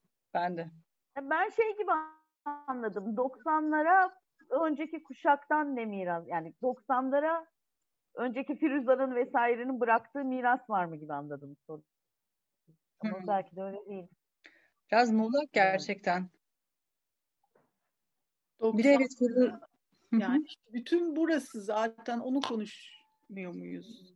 Yani Firuza'nın Berlin'in nar çiçeğindeki odağı çok farklı hakikaten. Orada yani iki farklı kuş e, e, ne diyeyim e, karşı karşıya getirilen iki farklı medeniyet aslında. Yani Batı ile Doğu'nun karşılaşması Berlin'de işte bir işçi olarak göçmüş aile var orada. E, bu arada İkinci Dünya Savaşı'nı da e, o da aldığı yaşlı kadının e, hatırlamaları aracılığıyla sorunsallaştırır eder. Ama e, kadın meselesini odağına alan bir yapıt değil o açıkçası. Firuza'nın Berlin'in Arçiçeği. Başka dertleri var. Yani oryantalist bakışla hesaplaşıyor vesaire. O yüzden hani 90'lara Firuza'nın Berlin'in nar ne kaldı sorusunun yanıtı e, bence başka bir şeyi hakikaten mesele ettiği için bir bağlantı kurmak çok mümkün görünmüyor. Doğu ile Batı'nın karşılaşmasını çünkü sorunsallaştırıyor esas olarak o metinde Firuzan. Evet, teşekkür ederiz. Bilmiyorum yanıt oldu mu? Ben okumadım, bilmiyorum hiç o metni. Bir de Seval şey demiş, Suat Derviş'e sadece kadın olduğu için yer vermediğini söylemek biraz zor sanki demiş. Ee, şöyle düşünüyorum bu konuda. Kadın oldukları için zaten yer verilmiyor bu bir. Yani zaten Fatma Aliye'lere kadın oldukları için yer verilmedi bence. İkincisi toplumsal gerçekçiler de yani solcular da yer vermiyor. Yani çifte taraflı dışlanmışlığı var Suat Derviş'in diye düşünüyorum. O yüzden evet. tam da kadın olmadığı için verilmediğini düşünüyorum. Çok parlak birisi Suat Derviş. Ee, yani gerçekten her taraftan tokat yemiş. Hem kadın olduğu için hem solcular da küçük burjuva olarak gördükleri için filan. Güvenli ee, bir kadın olduğu için. hepsinin içinde. Güzel, kendine güvenli bir kadın. Evet, kesinlikle evet, katılıyorum Tülin. Tabii, kocasının memlekette akıllı, olarak... güzel ve kendine güvendiyse ya yandın yani. bu da işte akademik bu da akademik hayatınızda dışlanma yaşadınız mı sorusunda. Evet, kesinlikle bence de cevap budur. Yo, e, yani e, burada hayır diyecek yoktur herhalde. o başka bir kere. E, herkes bir bir taraftan bir silleler yedi. Yani evet çok şey var. Yani Cemran'a şeyi sorarak tekrar bitir. Burada mı Cemran bu arada? Ben görmüyorum. Çıktı mı acaba? Cemran ve emek. Yani feminist yayıncılığa ne kadar ihtiyacımız olduğunu burada da anlamış bulunuyoruz. Bütün o popüler edebiyat e, dediğimiz onun e, o kategoriye e, hadi girer diyelim. E, belki o da tartışmaya açıktır. Onun için böyle bir tereddütle e, söylemiş oldum. E, Kerime Nadirler, Güzide Sabriler, Muazzez Tahsin Berkantların tekrar basılıp okunması örneğin. Nihal Yayınoba e, çevirilerinin tekrar basılması. Bütün o yani arşivde ne var ne yok onları bir deşmek, ortaya çıkarmak e, ve bunları tekrar okumak için e, bulmamız gerekiyor. Bunun için e, Osmanlı kadın yazarlarının metinlerinin e, latinize edildiğinden haber vermek isterim. O konuda dört koldan çalışılıyor. Onlar da yok. E, şu küfe Nihal yok. Nezihe Muhittin'in telif haklarından dolayı yok. Yani baştan baştan hepsinin yayınlanması Çünkü Fenihali şey bastı biliyorsun. E, yaptı daha doğrusu. Hazırladı. Yaprak Zihnioğlu Mor Kitaplık'ta. Tabii tabii Nezihe Muhittin'i de ama Nezihe baskısı Muhittin tükendi. E, onların baskısı tükendi. Doğru. Tabii. Doğru. Ee, evet. Ee, yapacak çok işimiz var. Bu daha başı olduğunu da gösteriyor. İyi ki hep birlikte olduk. Çevirmeye, konuşmaya, sohbet etmeye, yazmaya, çizmeye, düşünmeye, tartışmaya, bir arada olmaya ne kadar ihtiyacımız olduğunu gördük. Çok çok teşekkürler. İyi ki yazdınız.